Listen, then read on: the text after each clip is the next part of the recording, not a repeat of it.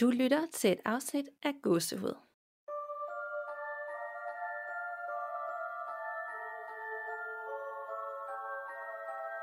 Hej og velkommen til en ny episode af Gåsehud, ja. som er en lidt særlig episode af Gåsehud. Så hej Danka. Hej Nana. Og hej Janni. Hej Pia. Goddag. Tak fordi du var med. Ja. Jamen selv tak, det er mig, der takker. Vi har glædet os helt vildt enormt meget til at have dig med, fordi vi har jo allerede mødt dig over en kop kaffe og været helt vildt høje på ja. Ja. snak, eller jeg har i hvert fald. Også mig, ja. og så var det bare så fedt, at du faktisk også var med i et afsnit, så andre også kunne høre lidt om, hvad det er, Det vil du kan gerne. og du laver, og Helt sikkert. det der, vi gerne vil vide mere om. Ja. Præcis. Det kan være, du bare skal starte med at fortælle lidt om dig selv. ja, det kan jeg sagtens. Øhm, jeg hedder Janni, og jeg er 30 år. Og for nogle år siden, der øh, øh, gik jeg ind i den lidt mere spirituelle verden, øh, og begyndte faktisk som det, som de fleste kender som alternativ behandler, hvor øh, jeg uddannede mig i telepati og klaverance med dyr, Ja. og har så Mhm. sidenhen øh, fået øh, min uddannelse som øh, reiki-healer med oveni, så jeg healer også. Og øh, nu er jeg i gang med noget måske lidt mere videnskabeligt, noget som de fleste de sådan kan forholde sig lidt mere til, som er hypnose og hypnoterapeut. Øhm, men jeg har jo rigtig meget med det alternative, det spirituelle at gøre hver dag. Mm. Øhm, og det er ikke noget, jeg bare sådan lige kan slukke på en knap og så sige, nu gider jeg ikke have noget med det at gøre, fordi at det er med mig hele tiden. Ja. Og, og det, altså, det er ikke et valg, man tager, nu skal jeg være det her hele tiden. Altså det er der bare, er det fordi du altid har kunnet det, eller... Jeg har altid følt mig lidt anderledes. Jeg har altid følt, at jeg kunne måske være lidt mere sensitiv, og jeg kan huske tilbage på en episode, jeg tror det var i første eller anden klasse, hvor vi blev bedt om at tegne en trold ude i skoven, der var ked af det. Ja. Og jeg synes, det var forfærdeligt, at den her lille trold, den skulle være ked af det, fordi det kunne jeg slet ikke forstå. Og jeg blev rigtig ked af det indeni selv, og, og det har bare sådan... Jeg har altid været meget sådan opmærksom på mine følelser og på andres følelser, og jeg har så efterfølgende talt med min mor, som så har sagt, at der er rigtig mange ting, der også giver mening for hende nu, når jeg begynder at forklare de her ting, jeg begynder at arbejde med, og så siger hun, når, men det var derfor, at du var sådan, så da du var lille. Ja. Ja. Øhm, jeg har skrevet en masse breve til min mor, jeg ikke var særlig gammel, og fortalt, at jeg kunne mærke, at hun var ked af det. Jeg kunne mærke, at øh, hvis der var nogle andre, der var ked af det, der kom ind i huset, og jamen, hun har nok bare tænkt, at sådan var jeg. Men ja. øh, det er aldrig noget, sådan, hverken vi har lagt lov på, eller noget, vi har arbejdet med derhjemme. Nej. Så det er først her i min voksenår, hvor jeg sådan er begyndt at interessere mig mere for det, hvor der var rigtig mange ting, som giver mere mening for mig. Mm. Okay. Så du vidste simpelthen ikke, hvad det var, da Nej. du var ung? Altså, Jeg, du... jeg troede bare, alle havde det sådan, ligesom jeg havde det. Ja. Og jeg kunne ikke forstå, hvis, øh, hvis jeg var rigtig ked af noget, så kunne jeg ikke forstå, hvorfor den ved siden af mig ikke var lige så ked af det, som jeg var. Eller Mm. mm. på en anden side, hvis jeg var rigtig, rigtig glad, så kunne jeg ikke forstå, hvorfor at jeg ikke fik den samme øh, respons fra, fra den, som sad ved siden af mig eller over for mig. Ja. Mm. Øh, så mange gange har jeg været meget frustreret over, at jeg har haft meget øh, sådan intense følelser, hvor andre folk undskyld, har været sådan mere øh, ja, lidt mere tilbageholdende, Mm. hvor jeg sådan har tænkt, er det mig, der er noget galt med, eller hvorfor, hvorfor er andre ikke ligesom jeg er? Ja. Og det kan være, at vi lige skal sige til lytterne derude, at vi selvfølgelig har nogle spørgsmål med, som vi gerne vil stille, Janni, og vi har også spurgt på Instagram, om der er nogen, der vil spørge om noget, så det tager vi også sådan lidt løbende. Ja. Men ellers så er det bare en snak, om Ja. hvad vi lige kommer ind på af retninger, tænker vi. Og hvad der Yes. melder sig på Ja. banen af spændende ting og sager. Ja.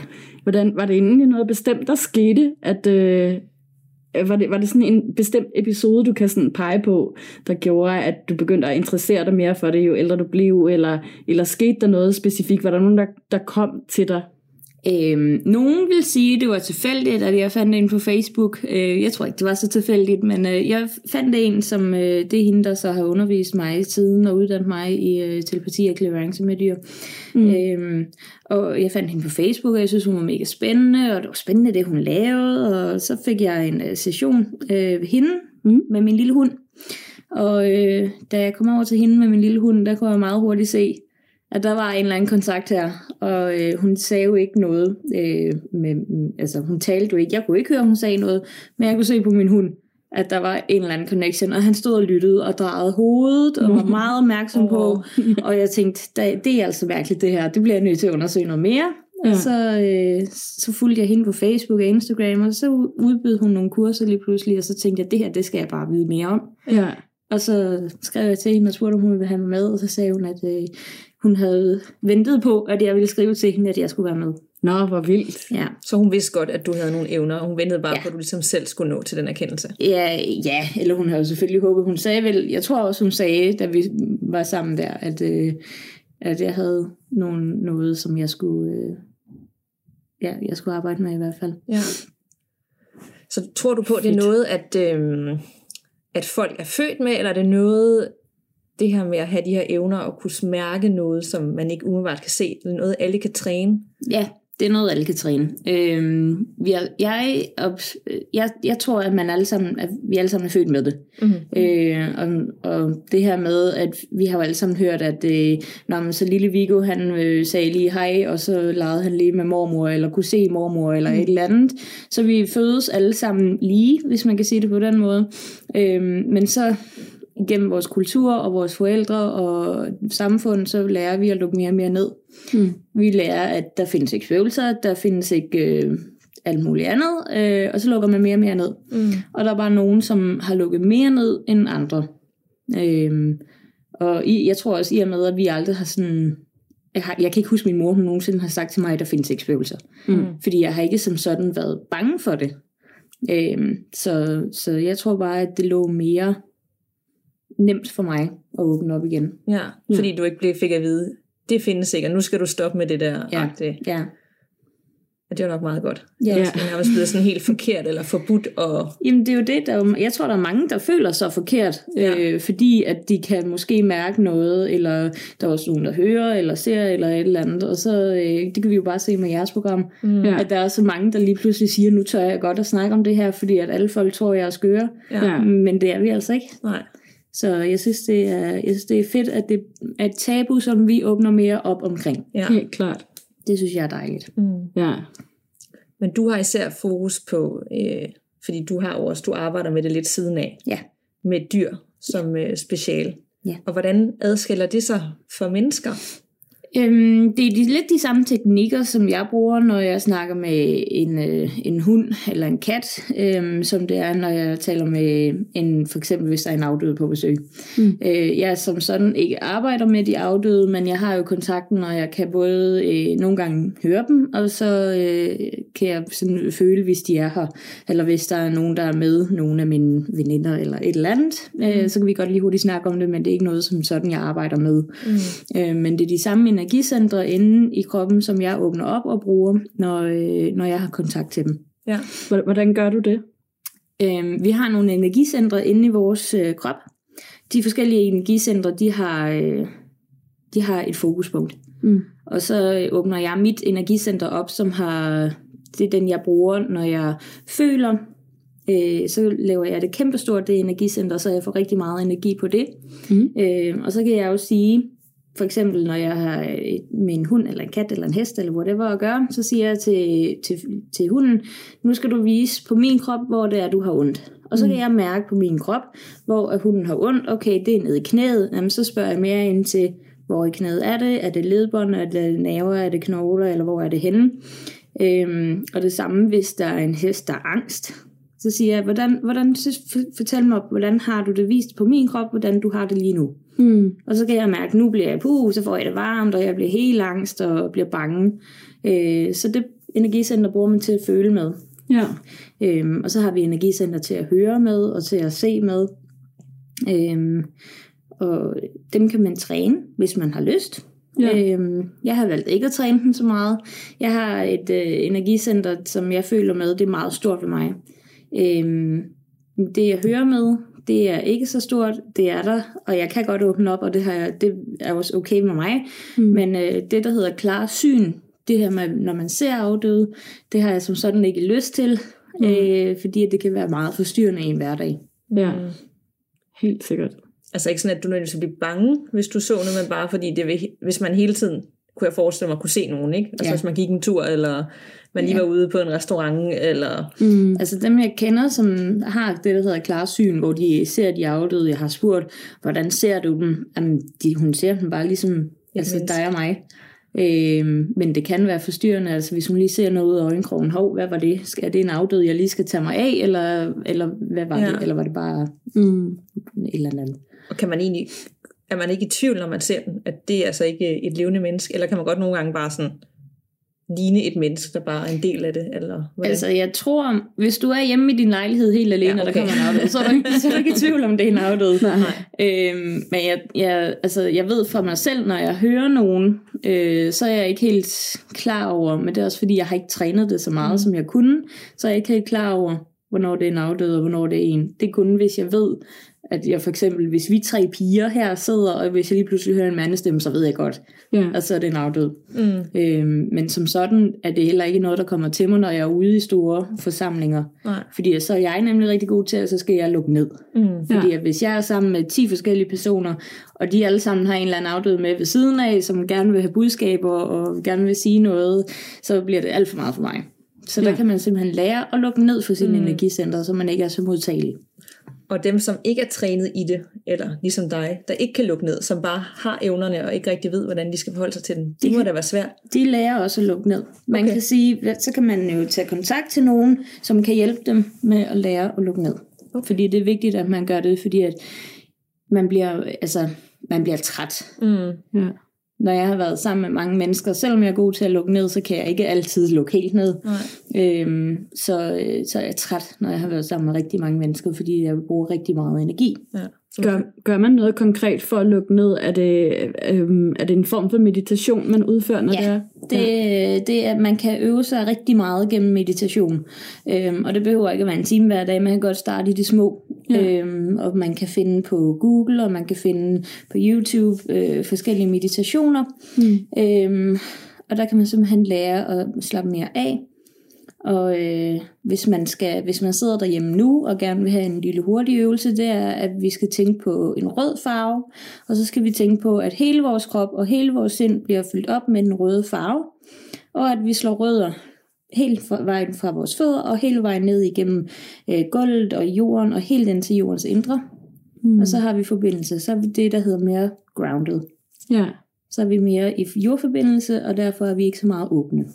Og det, Det- kan man sagtens bruge også, når man lægger sig til at sove om aftenen. Mm. Det er det her med de syv chakra, ikke også? Jo. Øh, forskellige farver Yes. og hvordan. Ja. Kan, du, kan du kort fortælle lidt om de syv chakra, hvad de står for? Altså den røde farve, det er vores rodchakra. Det er, det er den, vi bruger, når vi skal grounde, så den vi skal have, når vi skal øh, have mere fodfæste. Øhm, så er der vores øh, orange chakra, som jeg ikke kan huske, fordi den bruger jeg ikke så meget. Øhm, den sidder omkring vores underliv. Så har vi vores solar plexus chakra, det er vores, øh, vores øh, gule chakra. Så har vi den grønne chakra, som sidder ved hjertet. Det er den, vi for eksempel bruger, når jeg øh, skal føle Mm. i mine øh, telepati- og klaviance-sessioner. Øh, så har vi vores halschakra, som er sådan lyse, lyseblåt. Øh, det er den, vi hører med. Øh, vores øh, pandechakra, det er den, som de fleste kender, måske som det tredje øje, eller som øh, den violette. Mm. Og så har vi vores kro- kronechakra, øh, som er en lysfarve, Ja, som, er, som sidder oven på hovedet. ja. Nu spørger jeg måske dumt, når du siger de her farver, er det noget, man kan, hvis man er trænet, kan se ved andre mennesker? Ja, det kan du godt. Det er også de farver, du ser, øh, det, det vi kalder aura. Okay. Øh, man kan træne sit øje til at se folks aura. Ja. Øhm, og så kan man se, hvis øh, for eksempel, at, øh, at de har meget øh, grøn farve rundt omkring sig, jamen så øh, har de måske rigtig mange følelser uden på tøjet lige præcis den dag, eller bruger deres øh, hjertesjagt rigtig meget. Øhm, så kan det være, at vi måske skal, hvis de ikke har lyst til det, at vi skal sende noget rød energi til dem. Øh, men jeg som sådan arbejder ikke så meget med aura. Mm. Jeg arbejder mere med, at øh, for eksempel når jeg healer, så he- healer jeg vores energicentre, så de kommer i balance. Mm. Mm. Okay. Ja. Men kan du mærke, hvis en veninde kommer, eller du, at, hvordan den person har det, inden de har sagt noget, eller måske uden de viser det? ja, det kan jeg godt. Ja. Det kan jeg sagtens. Øh, specielt dem, jeg kender rigtig godt, men også dem, jeg ikke kender så godt, der kan jeg hurtigt mærke øh, deres sindstilstand. Hvis de er ked af noget, hvis de er glade, øh, så får jeg en meget, altså så, så mærker jeg det på min krop. Okay. Og øh, så skal jeg også sådan lige finde ud af med mig selv, er det her en veninde, jeg vil spørge? okay, hvad er det lige, der går galt, eller øh, er det noget, vi skal snakke om, eller, eller er det kæresten derhjemme, fordi at nogle gange så får jeg det så tydeligt, at jeg ved, det er kæresten derhjemme, der har gjort et eller andet. Mm. Skal jeg spørge ind til det, det finder man hurtigt ud af. Ja. Det Har det, har det nogensinde været svært for dig at sådan vurdere, eller det, det tænker jeg nogle gange, fordi at jeg har lidt den, det der savior øh, gen, at jeg bare mm. gerne vil have, at alle har det rigtig godt, og Ja. redde hele verden og sådan noget. Så jeg tror, hvis jeg havde den øh, evne, så ville jeg have meget svært ved ikke at gå ind bare og hele på folk, hvis de var kede af det. Ja. Hva- Hvordan, der må jo være noget etik. Ja, det er der mm-hmm. også. Øh, og det er også rigtig svært. Og det samme med, når jeg ser en hund på gaden, som halter, eller jeg kan mærke, at den her hund er lidt ked af det. Ja. Øh, jeg kan vælge at gå hen til ejeren og sige, øh, din hund har en besked, er du, er, du, altså, er du klar til at modtage den, eller er du villig til at modtage den? Og så ja. siger ejeren nogle gange, ja, det vil jeg da gerne, det lyder meget mærkeligt det her. øh, men det samme med, altså, man skal virkelig afveje, hvem det er, man vil gå i dialog med. Ja. Øhm, jeg har lært, det er hårdt at gå forbi folk på gaden og kan mærke, hold da op, der er noget, der er rigtig tungt, der er en virkelig stor sorg her. Ja. Og der kan jeg simpelthen ikke som fremmed menneske gå hen og sige, øh, jeg kan mærke, du har en rigtig stor sorg, du bærer på, jeg skal nok hjælpe dig, fordi at så vil jeg personligt også være altså, tynget med rigtig meget. Præcis, det er også det, jeg tænker, du er nødt Ja. til at passe på dig selv. Helt sikkert. Ja. Øhm, lige præcis med healing, der øh, bliver man lidt nødt til, øh, af min opfattelse, at man laver en udveksling. Det vil sige, jeg kan ikke bare gå hen og sige, hov, jeg kan da mærke, du har ondt i højre skulder, og så lægge min hånd på dig, og så får du noget healing mig. Du Nej. skal sige, hej, jeg vil gerne have noget healing, jeg vil gerne have, at du hjælper mig. Øhm, det er lidt den måde, det virker på i det univers. Okay. At man skal have noget for noget.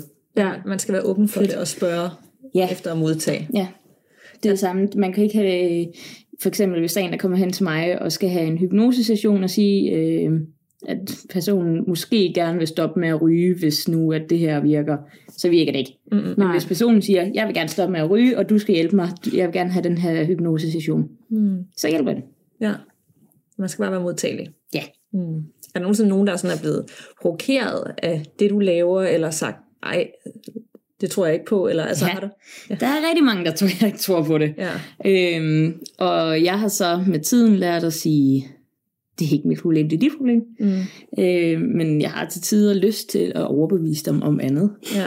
Øhm, men jeg har altså også folk, der er- er sådan forholdsvis tæt på mig, som siger, de tror ikke overhovedet ikke på det. Nej, Og så må jeg bare sige, det er dit valg, det er ikke mit. Mm-hmm. præcis. Ja. Øhm, og så gå videre med det. Øhm, men der er ikke sådan, altså min tætte familie, min mor og far og mine tætte veninder, de støtter mig i det mm-hmm. hele vejen. Ja. Og det er jeg så glad for. ja, ellers må det Ja. virkelig være svært. Ja, Ja. jeg har hørt om andre, øh, som jeg har været på kursus eller uddannelse med, som har haft kærester eller folk, der står tæt på dem, som, øh, som ikke støtter dem og siger, at øh, det er hokus pokus, og jeg tror overhovedet ikke på det, du laver. Mm. Mm. Og det tænker jeg må være rigtig svært. Ja, Ja, det må det godt nok. Ja, at så er Ja. der en konflikt i hvert fald. helt sikkert. Men jeg har bare lært at sige, det er ikke mit, det er dit. Mm-hmm. Og så må du komme til mig, når du har brug for mig. Fordi Ja, ja. det skal nok ske på et eller andet tidspunkt. Ja. Har du oplevet det? Ja. Øhm, ja, det har jeg. Jeg har oplevet, øh, at der var en, han var sådan, han var meget, han tog meget afstand til det, og, sådan, og så dengang, at, øh, at det faktisk rigtig galt, så var han sådan, okay, du, nu må du godt hjælpe mig, fordi nu har jeg rigtig ondt, eller, Mm-hmm. så det var, det, altså, jeg tror på et eller andet tidspunkt, har alle mennesker brug for det i livet. Ja. Ja. Så jeg venter gerne. Mm. Ja, og hvor fint. Hvordan, jeg, jeg har tænkt, fordi vi har jo mødtes før og Mhm. drukket en kaffe sammen, os tre. Og øh, der var vi jo også helt vildt nysgerrige, og sådan, fordi at, at du fortalte, at du kunne godt se, når folk havde afdøde med, for eksempel, og du kunne godt se på os, at vi havde nogen med. Mm? Tror du, at alle har afdøde med, eller, eller er der nogen, der ikke har? Øhm, vi, vi har alle vi har alle nogle afdøde. Om de er med os eller ej, det øhm, kommer lidt an på, hvor du er inde i livet. Okay. Øhm, der, vi har også det, der hedder guider, og guider og afdøde kan være det samme. Øhm, det kan også være, at vi har en guide, som øh, vi slet ikke altså, kender. Øhm, men det kan også være, øh, at man har sin morfar eller sin mormor med, mm. til hvis man skal øh, for eksempel jeg har min morfar med, når jeg skal træffe nogle meget øh, vigtige beslutninger i mit liv, så ved jeg, at jeg har min morfar med, og jeg kan faktisk mærke ham over på min venstre side, når jeg siger, at nu vil jeg gerne have, at du er med mig i det her, så jeg kan træffe den bedste beslutning for mig. Og så kan jeg mærke, at han kommer tættere på, og så bliver jeg helt varm over i min venstre side, fordi jeg ved, det er der, han står. Ja. Øhm, men der er rigtig mange, som har en mormor, eller morfar, eller oldefar, eller et eller andet med. Øhm, når det er sådan nogle afdøde, som er tæt på, så er de her kun for at gøre os det bedste. Mm. Ja. Og, og de er der så ikke hele tiden. De er der, når man har brug for dem. Man kan kalde på dem, ja. Ligesom man kan kalde på sin guide, så kan man kalde på sin afdøde, hvis man har brug for dem. Og de kan jo kun være der, fordi de ikke er gået over på den anden side, ikke? Eller hvad? Øhm, Hvordan fungerer det? Eller det? Det, jeg, er sådan, jeg, der er mange meninger om, hvordan det fungerer. Øh, jeg er i den opfattelse, at, øh, der, at det vi kender til, at der er en afdød, for eksempel hvis man kan mærke noget i et hus, jamen så er det fordi, at han ikke, eller hun ikke har givet slip på noget her i vores verden, og derfor skal hjælpes op på den anden side, op i lyset. Mm-hmm. Øh, men dem vi har med som guider og som afdøde, de er egentlig på den anden side. Okay. Øh, men, men de er her jo kun, når vi kalder på dem. Ja. Dem, som, det som man selv måske selv har oplevet derhjemme, eller har hørt nogen opleve, er, at hvis der er nogen afdøde i øh, ens hus, eller et eller andet sted, Mm. jamen så, øh, så er de der af en grund, enten fordi, at de ikke har afsluttet et eller andet, eller de har et budskab, øh, et eller andet, som de gerne vil have afklaret. Mm. Så det vil sige, at, at dem, man, man har med af sine egne afdøde og hjælpere, de giver ikke lyd fra sig, medmindre man har brug for det. Det kan de godt. Det kan de godt. Hvis der er et eller andet, hvor de tænker, at øh, nu skal vi altså i gang med den her uddannelse, eller øh, nu skal vi have skub i et eller andet andet i livet, så kan de godt give nogle hints. Okay. Øh, det kunne, ja, hvad kunne det være? Det kunne være øh, for eksempel, hvis øh, du skulle ud og har overvejet, om du skulle købe den her cykel i øh, gul eller i blå eller whatever, og så kunne det godt være, at det, det var den blå kuglepind, der lige pludselig røg på gulvet. Okay. Så på den måde kan de godt give nogle små hints, Ja. hvis de gerne vil hjælpe dig i den rigtige retning. Men det, hvis man så ikke tænker over det, så er det jo ikke sikkert, at man lægger mærke til alle de der hints. Men er der noget bestemt, man sådan, der er godt at kigge efter, eller lægge lidt mærke til? Øhm, alt omkring sig. Man bliver lige, lige så snart, at man kommer ind i den lidt mere spirituelle verden, øhm, og begynder at åbne op, så bliver man meget øh, bevidst om Ja. verden omkring sig, og du kommer til at se verden på en helt anden måde. Mm. Øh, jeg er meget opmærksom på små ting. Jeg er meget opmærksom på, er der en fjer på vejen, eller er der sidder der en fugl i træet. Altså sådan, det, det er meget, meget små ting, som jeg er kommet til at lægge mærke til. Ja. Øh, det har jeg som sådan ikke gjort før i tiden, mm. men det har jeg kunne mærke, at det lægger jeg utrolig meget mærke til. Ja. Specielt dyrene. Ja. Dem kan jeg se, det er simpelthen lige meget, hvor jeg er. Så ser jeg altid, at der er et dyr et eller andet sted. Okay, spændende. Og nu vil vi lige tale om det her så, fordi vi har spurgt på Instagram, om folk havde nogle spørgsmål til dig. Og, og der var nemlig en, der kom med et rigtig godt spørgsmål, og det læser jeg lige op, og så kan vi tage det. Ja. Er der nogle øh, hjemmefifs til, hvad man selv kan gøre, hvis man nu gerne vil i kontakt med, eller have et tegn, eller noget fra en afdød familie? Er der nogen måde, hvorpå man kan gøre sig selv sådan mere åben for tegn, eller være åben for selv og, og sende en besked til dem? Øhm, ja, det kan man godt. Men øh, jeg synes, hvis du rigtig gerne vil i kontakt med et, et bestemt familiemedlem, eller i det hele taget have mere afdøde kontakt, så skal du have fat i øh, en, som arbejder med det, mm. som arbejder med afdøde kontakt, fordi at, som, som sagt, det er ikke noget, vi bare skal lege med, fordi at det er ikke fordi, man kommer til at gøre noget øh, forkert eller helt vanvittigt, øh, men du åbner op for dine centre, og du bliver mere modtagelig, og altså, hvis man ikke er klar til det, og altså, så synes jeg, at det kan hurtigt øh, blive for meget for en selv, hvis du selv sidder med det. Mm. Så det er en rigtig god idé, hvis man har lyst til at, at, at begynde at åbne lidt mere op for det mere spirituelle, og få mere for sine øh, energier, så synes jeg, at man skal tilmelde sig i kursus. Ja. Øhm, men der findes små kurser øh, bare over en weekend. Ja. Sådan noget, få mere kontakt med din åndelige verden, eller din spirituelle verden, eller noget. Og så få noget hjælp der, i stedet for, for du ser, jeg synes ikke, man bare skal gå hjem og selv og begynde. Med ånden i glasset? Nej, Eller? nej, nej, nej. Virker det? ja, det gør det. Jeg ja. kender en, som øh, uddanner øh, andre til klaviant og medium, og hun bruger det. Øhm, men fordi, at hun har rigtig meget styr på det. Mm. Det er ikke noget, man bare skal gå hjem. Så det er rigtigt nok, når de siger, at hold jer fra det, og husk at afslutte, og Ja. man kan tiltrække nogen, som... Ja, nu ved jeg godt det der med, vi har talt om det der med om ondskab og ondånder, om det overhovedet findes, eller det er noget i folks fantasi, men man kan måske godt tiltrække noget, som ikke var det, der var meningen. Det er jo Ja. ja. sagtens. Ja. Øhm, og det kan godt være, at du får tiltrukket din venindes øh, bedstemor eller et eller andet. Øh, og for din venindes bedstemor er det helt vildt vigtigt, at øh, din veninde får at vide, at hun øh, skal tage den ene uddannelse frem for den anden. Og så, øh, så kan bedstemoren øh, måske godt være påtrængende, fordi hun vil rigtig gerne have den her besked igennem. Og det kan måske godt virke øh, for meget for personen, og så tror de lige pludselig, at puh her, og så bliver de bange, og så går den helt... Ja, Ja, ja. Altså, så øh, man skal virkelig, fordi de afdøde, de har rigtig mange budskaber til os, så man skal have dem tydeligt igennem, ja. og så have det videre, og få det sagt, og så få det Og afsluttet. så afsluttet ordentligt. Ja. Ja. Fordi ellers så bliver de også frustreret, hvis de ikke får, der, får deres øh, budskab frem. Så det er faktisk bare ligesom i den rigtige verden. Ja, det er det mange gange.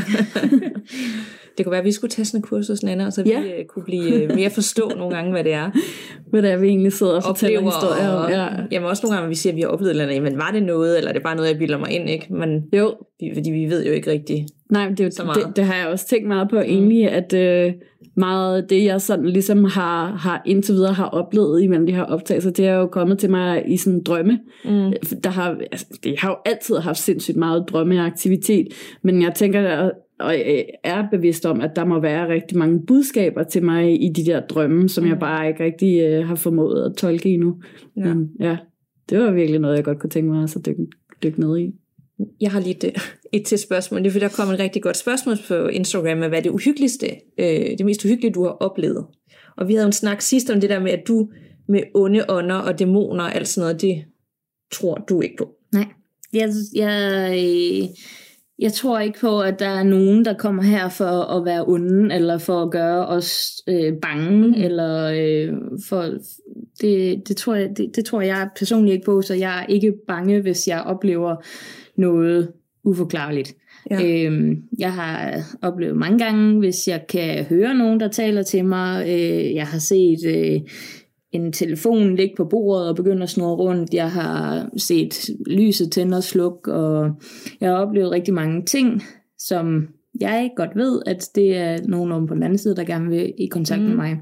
Men det er ikke noget, jeg er bange for. Men hvor andre måske det som noget uhyggeligt, Ja. eller noget meget skræmmende. Ja, jeg kan godt forstå, at der er nogen, der synes, det er meget skræmmende, mm. hvorfor telefonen lige pludselig begynder at ligge og dreje rundt på bordet, mm. eller lyset bliver ved med at slukke, øh, selvom jeg har tændt det, eller omvendt. Mm. Mm. Øhm, men, ja, men det er egentlig bare en måde at komme i kontakt med os på. Hvis jeg Ja. oplever det, så spørger jeg. Øh, hvis der er nogle afdøde, øh, så må I sige til, hvis I har nogle, øh, nogle budskaber eller noget, som I gerne vil have, jeg skal hjælpe jer med. Mm. Øhm, og det kan man også godt sige derhjemme, hvis man oplever, at der er et eller andet uforklarligt, eller man føler, at der er nogen, der overvåger derhjemme, så kan man godt sige, øh, vi ved godt, at du er her, men øh, vi synes, at det er øh, ubehageligt, så vil vi gerne have, at du tager afsted igen. Mm. Og det er altså mange gange nok til, Okay. at det bare forsvinder. Skal man sige det højt, eller skal man Ja. bare tænke det? Man skal Du sige må det gerne højt. sige det højt, ja. Okay. Kan vide, hvorfor det er så, at folk de har den her idé om, at når de oplever noget, at det føles utrygt og ondt, og som de vil... Ja. Altså, Men øh, er det bare følelsen af, af frygt, der skaber det, eller? det er vores, øh, jeg tror, det er vores kultur og vores samfund. Ja.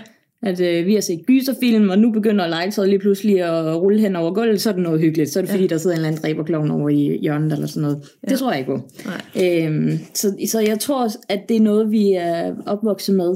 At det er noget, vi skal være bange for. Men tror du på, at der findes onde mennesker? Øh, nej, det tror jeg ikke. Så heller ikke virkelig brutale seriemordere og sådan noget. Hvordan, hvordan vil du forklare det? Jeg tror ikke, at de er født onde. Jeg tror, det er igen Det er samfund, vores samfund ja. og vores kultur, øh, som har formet dem. Jeg tror ikke på, at der er nogen, der bliver født onde. Nej. Og det samme med vores øh, ånder og afdøde. Jeg tror heller ikke, at der er nogen dæmoner. Øh, jeg har ikke arbejdet med det overhovedet, og øh, jeg har valgt bare at sige, at den verden beskæftiger jeg mig ikke med overhovedet. Ja. Men er der nogle af dine kolleger, der tror på det? At der findes onde ting og dæmoner og noget, der vil gøres, der ikke vil gøres nogen gavn? Nej. Nej. Det Er det mere sådan noget i USA, hvor de sådan, hvor der synes jeg tit, at øh, de der mediums og sådan noget. Ja. de siger, at det er, øh, det, der er en ond energi til stede her i huset, og det er ikke menneskeligt, og øh, ja. den skal vi af med hurtigst muligt, så Det kan godt være, jeg tror ikke på, at det er en ond energi. Jeg tror godt på, at det kan være en negativ energi. Ja. Mm. Øh, vi, kan, vi har altid øh, vi har set film, hvor det har været den sure gårdmand eller et eller andet. Sådan en energi kender vi faktisk godt fra os selv, hvis vi møder et menneske i vores liv, hvor vi tænker, uh, han har dårlig energi, eller et eller andet mm. kommer ind i et rum, hvor der er en dårlig energi. Jeg tror, at mange af os kender det. Det er den samme følelse, vi får, mm. øh, når vi kan mærke på, at der er en, en negativ energi her. Ja. Øh, men jeg tror ikke som sådan, at de vil gøre noget ondt. Og øh, hvis det er, at der er nogen, der oplever den her negative energi, jamen, så kan man jo hjælpe den afdøde over på den anden side. mm. Mm. Det er bare tit, du ved, med mareridt og ting, man ser, så kommer det ligesom til udtryk i skyggefolk, eller The Hatman, altså sådan sorte, mørke, uhyggelige, skræmmende skikkelser. Det er Ja. sådan tit det, som folk ser, når de føler, at de ser noget. Det er ikke bare øh, en hyggelig person i Nej. hjørnet, som ligner et menneske. Nej, Mm. mm. øh, jeg har ikke oplevet personligt noget af, mm-hmm. af det her, som I har snakket om. Heller ikke øh, hverken The Hatman eller Skyggefolket eller noget. Mm-hmm. Øhm, og jeg har ikke talt med personligt med nogen, som har oplevet det. Øhm, men jeg tror igen, at det er noget, som vi har tillært os. Ja. Og så kommer det måske bare til Jeg tror, udtryk det er en i... forestilling inde i vores bevidsthed. Og vores hjerne er simpelthen skruet sammen på den måde, at hjernen kan ikke finde ud af, om det er noget, du oplever lige nu, eller om det er et minde. Mm. Hjernen reagerer på samme måde med følelser. Øh, også med gode ting. Mm. Hvis vi øh, tager det et dejligt minde frem med juleaften, hvor vi alle sammen sidder rundt om bordet. Det er hyggeligt og dejligt og rart at være. Hvis vi tænker på den ting, og det gør I også selv lige nu, så kan I mærke, at I får det godt mm. indeni. Mm. Og det er præcis det samme, når vi mm. tænker på noget dårligt. Ja. Så kan hjernen ikke finde ud af, er det noget, hun selv forestiller sig, mm. eller er det noget, hun rent faktisk oplever. Ja. Det er den samme fysiske aktivitet, der sker i hjernen. Okay. Så jeg tror simpelthen, det er noget, at der er rigtig mange, der har tillært sig. Det er meget interessant. Ja. Især, altså jeg har jo tendens til ligesom at tro det værste, ikke? og skal sove, og øh, har mareridt, og tit er det bare noget mega uhyggeligt. Øh, hvordan man kunne beskytte sig på en måde, sådan at, at man kan forholde sig til det, at det hele ikke behøver at være øh, dæmoner og sorte skikkelser, som man frygter hver nat. Ja. Nu har jeg lagt mærke til, at du også har sagt, at det er også, når du er meget stresset. Mm-hmm. Det er, når der er rigtig mange ting, som kører oven i hovedet, øhm, så er det en rigtig god idé med noget meditation, Mm. og med noget grounding, med den her røde farve, de her rødder fra fødderne og hele vejen ned i jorden. Øhm, og det er rigtig fint at gøre det, lige inden man skal sove, og lægge sig ned, øh, sætte meditation på, også måske en guided meditation, hvor vi sådan simpelthen får alle de her negative følelser ud af det her stress ud af kroppen. Vi tager det simpelthen ud af kroppen, sender det væk, og så har vi ikke brug for det mere. Mm. Og så får du faktisk en afslappende følelse i kroppen, og kan lægge dig til at sove. Ja, Mm. det er meget interessant. Det er lidt det, som hvis man for eksempel lige tilfældigvis har været til aftenyoga, altså i hvert fald i mit tilfælde, og jeg så Mhm. kommer hjem og skal sove, så kan det også have den effekt, at jeg har en roligere søvn, Ja. end hvis jeg bare er gået i seng. Men ved yoga, der, altså, det hele starter ved åndedrættet, Mm. Og vi skal vende vores bevidsthed indad. Ja. Og det gør vi også til yoga, Mm. og det gør man også i meditation. Ja. Det må vi øh, prøve. Ja, helt sikkert. Jeg tænker også, altså det er også lidt, lidt noget, jeg sådan har lært med det der med, med søvnparalyse, at slappe af i det, og ja, Helt så går det over af sig selv. Det kunne være, at du havde nogle øh, meditationer, eller noget, du kendte til, eller på YouTube, eller... Jeg har kun fra min egen underviser. Okay. Mm. Øhm, af nogen, som, øh, som jeg bruger rigtig Mm. meget. Øh, men der findes apps, og der findes inde på YouTube, findes der rigtig mange, og der findes både med guidede meditationer, og også bare noget behagelig afslappende musik, man kan sætte på.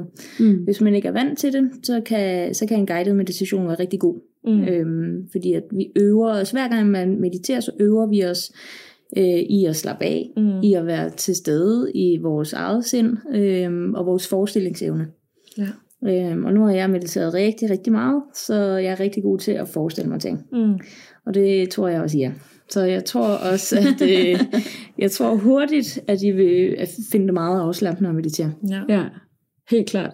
Hvad tænker du egentlig? Vi har snakket rigtig meget om det her søvnparalyse også, og hvorfor det er, at, at så mange ser nogenlunde det samme. Og, og de, man ser noget, der ligner skikkelsen af noget meget uhyggeligt, eller en dæmon, eller en mand, der står ind over en og vil, vil, vil dræbe en. Øhm, hvor, hvorfor tænker du, at der er så mange, der ser nogenlunde det samme? Øhm, jeg har tænkt rigtig meget over det selv, øhm, og nu glemte jeg at spørge min, øh, min hypnose-lærer, om, øh, om han har haft nogle patienter med søvnparalyse. Ja. Øh, men jeg tror simpelthen, fordi al, alle dem, som jeg har hørt, der har søvnparalyse, det er altid noget negativt. Ja.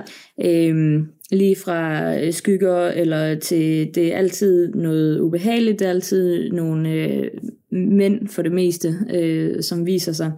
Øhm, og jeg, jeg kan ikke selv forklare det, øh, men jeg tror, at det er noget, som altså, sker i hjernen, det her med, mm. at, øh, at vi er vågne, men vores hjerne stadigvæk sover. Ja. Øhm, og så ved jeg ikke, om hjernen måske på en eller anden måde bliver forvirret, og at den her forvirring bliver til noget øh, ubehageligt, fordi vi ved ikke, hvad der sker, vi kan ikke styre det her, og det derfor udvikler sig til, at det bare eskalerer til noget meget, meget dårligt. Mm. Øhm, men jeg ved det ikke selv, jeg har aldrig, heldigvis aldrig selv oplevet det. Nej, det er sjovt, du siger det. Altså, det er fordi, vi fik en lytterberetning her for et par dage siden. Jeg ved ikke, om du har læst den, Anna. Nej. Sådan, den var ikke så lang. Men den handlede også om søvnparalyse, og hvordan hun havde set alle de her uhyggelige ting. Og nu vil jeg ikke gå for meget i dybden med det. Vi skal nok læse den op på et tidspunkt i et senere afsnit. Men hun havde også oplevet det, og så havde hun simpelthen lært sig at, forestille, at forvente det til noget positivt. Ja. Så det startede med, at hun så et eller andet uhyggelig mand, eller The Hatman, eller et eller andet. Og lige pludselig så overviste som om, at det bare var sådan virkelig lækre øh, mænd. til flere af dem. Og så pludselig så var det det, hun så. Så var der Ja. bare sådan nogle mænd i bare overkrop, der rundt i hendes øh, soveværelse, og var bare Ja. mega nice at se Okay, på. Og så lige pludselig, så, så var det okay. Og det var rent, hun Ja. bare trænet sig til, ja. og så kunne hun få vendt det. Det kan Ja. ja. man. Jeg, jeg kender også Fedt. en, som også lider af søvnparalyse, mm. og hun sagde, at hun simpelthen øh, oplevede, når hun oplevede søvnparalyse, at det var øh, mænd, som lå ovenpå hende og ville voldtage hende. Øh, hvor hun også har lært at simpelthen bare vente. Hun, hun kan kontrollere det nu, øh, ved at sige, at øh, nu skal den her mand gå væk, fordi at det er også bare noget fjolleri, og Mm. så forsvinder, og så øh, har hun lært sig, jeg kender ikke metoden, men hun har lært sig det her med, at så kan hun ligesom stille bevæge fingrene, og så kan hun bevæge armene, og så kan Mm. hun bevæge hele kroppen. Ja. Så man kan faktisk, øh, man kan godt få hjælp til at komme ud af det og kunne kontrollere det. Okay. Så hvis man sidder i det, og så forventer om til en positiv situation, og så kunne øh, vækste sig selv. Ja, Ja. Det må du lige prøve næste gang. Det skal jeg så meget, og jeg har allerede besluttet mig for, at det skal være hundevalpe. Ja, det synes jeg lyder som en rigtig god idé. Så det var hyggeligt, så faktisk Ja. gerne blive i paralysen. Præcis. ja. Der var hun alle vejen. ja. Øhm, Jeg kunne godt tænke mig at komme lidt tilbage med det her, til det her med afdøde, man har med sig. Fordi at jeg har virkelig mange tanker om det, og jeg har da også øh, nogen, som jeg godt kunne tænke mig, det skulle være af afdøde, jeg havde med mig. Men jeg har sådan også tænkt på, at, at, at så de kunne måske også godt være, hvis det var nogle venner, så skulle de jo måske også være sammen med deres familie og sådan. Så siger du, at, at, at de er der, når man har brug for det. Øhm, så de samme afdøde kan godt være sammen med flere forskellige mennesker, der stadig er her på jorden. Det kan det Eller hvad? Ja, ja. ja. Jeg har øh, en af mine øh, afdøde venner. Øh, han er med mig, når jeg healer. Ja. Fordi han synes, det er rigtig spændende.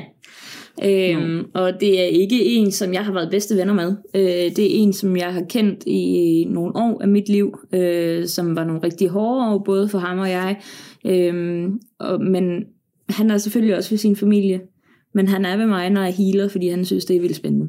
ja. Øhm, og jeg har oplevet, hvor, at jeg havde min veninde til healing, og øh, hun- jeg healede hende først, og hun skulle heale mig bagefter. Og øh, da jeg lå på briksen, så blev han ved med at, at, at ville tage min hånd. Så, så da hun ville tage min hånd, hende der healede mig, øh, så gjorde jeg modstand, fordi jeg var sikker på, at det var ham, der blev med at tage min hånd. Og så Ja. sagde hun, at jeg skal altså lige låne din hånd. Nå, ja okay. Nå, det er fordi, jeg troede, det var min, min afdøde ven der, der stod og gerne ville hele tiden holde mig i hånden. Øhm, så, så sagtens, at der, han kan godt være hjemme ved sin familie, øh, men han er også ved mig. Lige præcis, når jeg healer, så vil han rigtig gerne være ved mig. Ja. Han synes, det er spændende. Der er mange, der bare observerer, fordi de synes, det er spændende. Nå, hvor fint. Ja, det giver sådan lidt øh, en tryghed, når man så, så virker døden ikke så uhyggelig. Hvis Nej. man kan sige det, fordi at hvis han også stadigvæk kan følge med i noget og, Mm. mm. og hygge sig og synes noget er spændende, ikke, så er det jo ikke som om, at det, Præcis. at det bare sådan er sort, når man så skal væk. Mm-mm. At der Nej. er intet. Altså jeg havde også øh, i går, der var jeg til et arrangement med healing, hvor jeg sidder med en, en ældre dame, og øh, jeg fandt jo så ud af senere, der var hendes afdøde mand, som jeg havde med mig, øh, som også bare kom på min højre side og var der og observerede, fordi han synes, det var spændende. Det var Ja. ikke, fordi han havde et budskab, eller som sådan sagde, eller gjorde noget. Jeg kunne bare mærke hans tilstedeværelse, han var der, fordi han lige syntes, det var hyggeligt og, og spændende det her. Så hvor. Sagde du til hende? Noget til Ja, hende? jeg sagde til hende, at jeg så øh, en mand, og han så sådan og sådan ud, øh, og så var hun, sagde hun meget hurtigt, at det er min afdøde mand. Han så sådan ud. Så sagde jeg, han er her bare, han havde ikke lige noget budskab i dag, men han var her bare for at observere. Ja. Så det, det sker tit. Ja. Nå. Ej. Kan det godt være hos flere forskellige på samme tid også, eller? Det har jeg ikke oplevet. Nej. Det tror jeg ikke. Øhm, nej, det er ikke lige noget, jeg har, øh, har, har oplevet som sådan. Nej. Hv- Hvor, hvor tænker du, de er, hvis de ikke lige er hos nogen, der er her på jorden? Personligt tror jeg, at de er ude i universet. Det er det. Øh, ja. Øhm, og jeg er også sikker på, at når jeg engang dør, så skal jeg også ud i universet. Ja. Og vente på, at jeg enten bliver kaldt tilbage på jorden, enten som guide, øhm, eller i en, en anden øh, altså rekarnation, så man kommer tilbage igen på jorden. Tror Okay. du på det? Ja, Ja. det gør jeg. Mm. Det, gør, altså, det, det gør jeg egentlig også, uden egentlig helt at forklare hvorfor. Men Ja. jeg tænker også bare tit, man, at den person, man er, er vel også dannet på baggrund af nogle tidligere liv. Det tænker jeg tit, at der er nogle ting, Ja. der, er- hvor man oplever bare noget, man tænker, det er egentlig mærkeligt, det er sådan her, Ja. som om, at man har været her før, ikke? Ligesom, mm. men det har man ikke, så kan det have været for 100 år siden i en andet liv Ja. -agtigt. Præcis. Men der er også, man hører også om dem, som har en meget gammel sjæl. Ja, Ja. selvom de er, Det er dem, fire som år har, gamle. ja, det er dem, som har levet rigtig mange gange på jorden, mm. og oplevet rigtig mange ting, og de oplever bare verden på en, på en anderledes måde. Mm. Øhm, og så er det, man siger, at de har en gammel sjæl. Ja. Men man kan jo også altså, tage, til, tage til, jeg ved ikke, hvad sådan nogle behandlere hedder, øh, som hjælper dig med at se ind i dit ti- tidligere liv. Øhm, og, og hvordan at din tidligere liv kan hjælpe dig i det her liv. Mm. Så man forstår det bedre. Mm. Ja. Hvis der er noget sorg, eller en, en angst, eller et eller andet, som du har i det her liv, at det faktisk går tilbage til nogle tidligere liv, okay, så ved du, at det er derfor, at du har det på den og den måde, og så kan du arbejde med det i det her ja. liv i stedet for. Men vil en sjæl altid gå videre til et, en ny krop, eller kan man også, altså, kan den også bare, nu siger du, man kan ende som guide, Ja. men, men vil det som regel bare altid ende et nyt sted, eller kan man bare godt forsvinde, eller kan man godt bare gå ud? Altså, du, jeg tror godt, at man er, sidder i universet, indtil at man bliver tilkaldt som guide. Altså, vi har jo, jeg har jo mange guider, og I har mange guider, Mm. så vi har rigtig mange guider hver person på jorden. Mm. Så der skal rigtig mange guider til. Ja.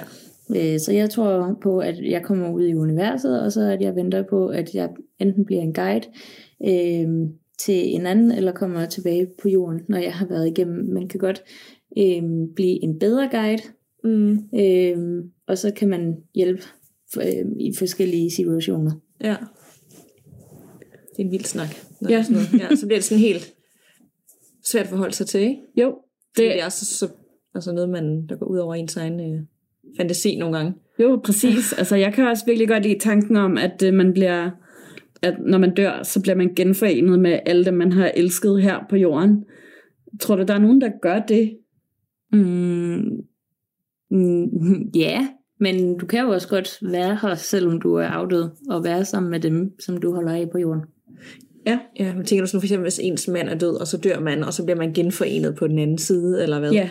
Det, men det kan man vel ikke være, føle sig sikker på, eller være lidt så sikker på. Øhm, nej, men der, der går, det er ikke sådan, at man dør, så går der 10 dage, så bliver man guide for en. Nej.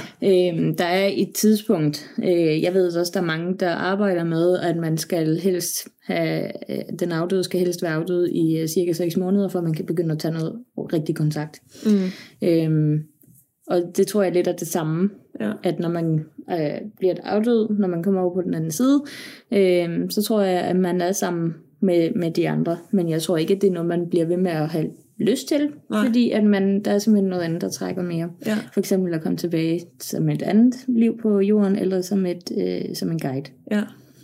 Så det er sådan en mellemstadie, Ja, til man lige finder ud af, hvad, hvad man skal. Ja, Det er meget interessant. ja det er det. Nu har jeg lige et, et andet spørgsmål her fra mm. Instagram, øh, og jeg kan godt være, at vi har været lidt inde på det, men øh, personen vil gerne vide, hvordan kan du mærke, at der er en ånd til stede, der, eller der gerne vil i kontakt? Kommer det bare sådan, nu siger du, du kan høre, eller bare lige mærke? Men Ja. er det bare sådan i et splitsekund, sådan, bum, der var en? Eller Øhm, bygger det sig op, eller? Det kan, nej, det er ikke noget, der bygger sig op. Mm. Øh, det er øh, for eksempel, øh, kan, jeg, kan jeg høre en, der lige pludselig siger noget til mig. Øh, når jeg mærker dem, jeg mærker dem for det meste, så, øh, så kan jeg mærke, at ligesom, ligesom jeg kan mærke, at du sidder ved siden af mig, mm. så kan jeg mærke, at der er en tilstedeværelse. Mm. Øh, og det kommer... Det, det er ikke noget, jeg bliver forskrækket over, eller Nej. bange for, eller noget, fordi at nu er jeg så vant til det. Øh, men det er sådan, det, det opstår pludseligt. Det er Ja. ikke noget, der sådan bygger sig op. Nej. Jeg kan godt have øh, følelsen af, når jeg står op om morgenen, at jeg på et eller andet tidspunkt i løbet af dagen kommer til at have kontakt med en eller anden afdød. Øhm, men det er ikke sådan, at jeg står op og tænker, hov, jeg skal have fat i kurt i dag. Nej. Det, det kommer til mig sådan ja. i løbet af dagen. Og øh, kan du mærke noget her nu, er du åben?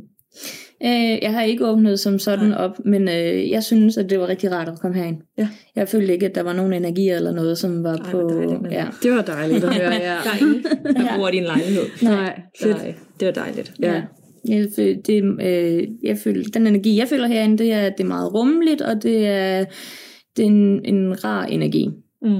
Det er jeg glad for. Det er også Ja. det, jeg gerne vil have, at der skal godt. føles Ja. ja. herinde. Ja. Så kan vi godt fortsat optage her og, og føle os ja, positive og, og trygge. præcis. Helt sikkert. Der er også et andet spørgsmål fra en øh, følger på Instagram, og det er et mere specifikt og personligt spørgsmål. Mm. Øhm, personen sk- øh, siger, at øh, jeg skrev et begravelsesbrev til min svigerfar, at han gerne måtte kigge forbi. Gør de så det? Altså det, Øhm, ja, for det meste gør de. Okay. Øhm, fordi, øh, men hvis hun har lyst til det, så kan hun godt sige det igen. ja. Øh, både inde i sig selv, men også højt, hvis hun har lyst til det. Så kan man godt sige, at øh, du må meget gerne kigge forbi, og du må gerne være hos mig. Jeg har brug for, at du er hos mig. Øh, så er de der mange gange. Så er Mhm. de hos os.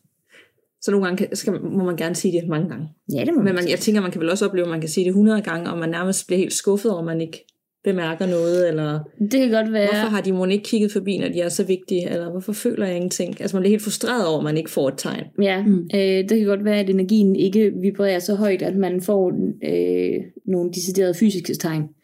Øh, og så synes jeg, at man skal gå til en, som arbejder meget afdøde kontakt, så man kan, hvis man virkelig gerne vil i kontakt med den afdøde. Mm. Øh, fordi så kan de hjælpe. Ja. Fordi at det er virkelig noget, man skal træne. Vi er en kanal, og de fortæller også noget, og så siger vi det videre. Ja. Fordi der er nogle gange, at de ikke kan komme igennem. Ja. Øhm, så man skal ikke blive øh, ked af det og tro, at nu er de her ikke. Eller det er en Øh, afvisning. Ja, nej, slet ikke. Man er måske bare ikke lige på samme øh, Og ikke, bølgelængde lige der. nej, og igen, at der skal også gå noget tid, for at, at, de kan, altså, at man kan komme ordentligt i kontakt med dem igen. Mm. Kan det gå for lang tid? Altså, hvis det er en, der er død i 1600-tallet, så tror jeg ikke, vi kan få fat i ham. øhm, jeg har tit tænkt på, at det kunne være mega sejt at snakke med H.C. Andersen eller et eller andet, ja. men jeg ved ikke helt, hvordan jeg får ringet ham op.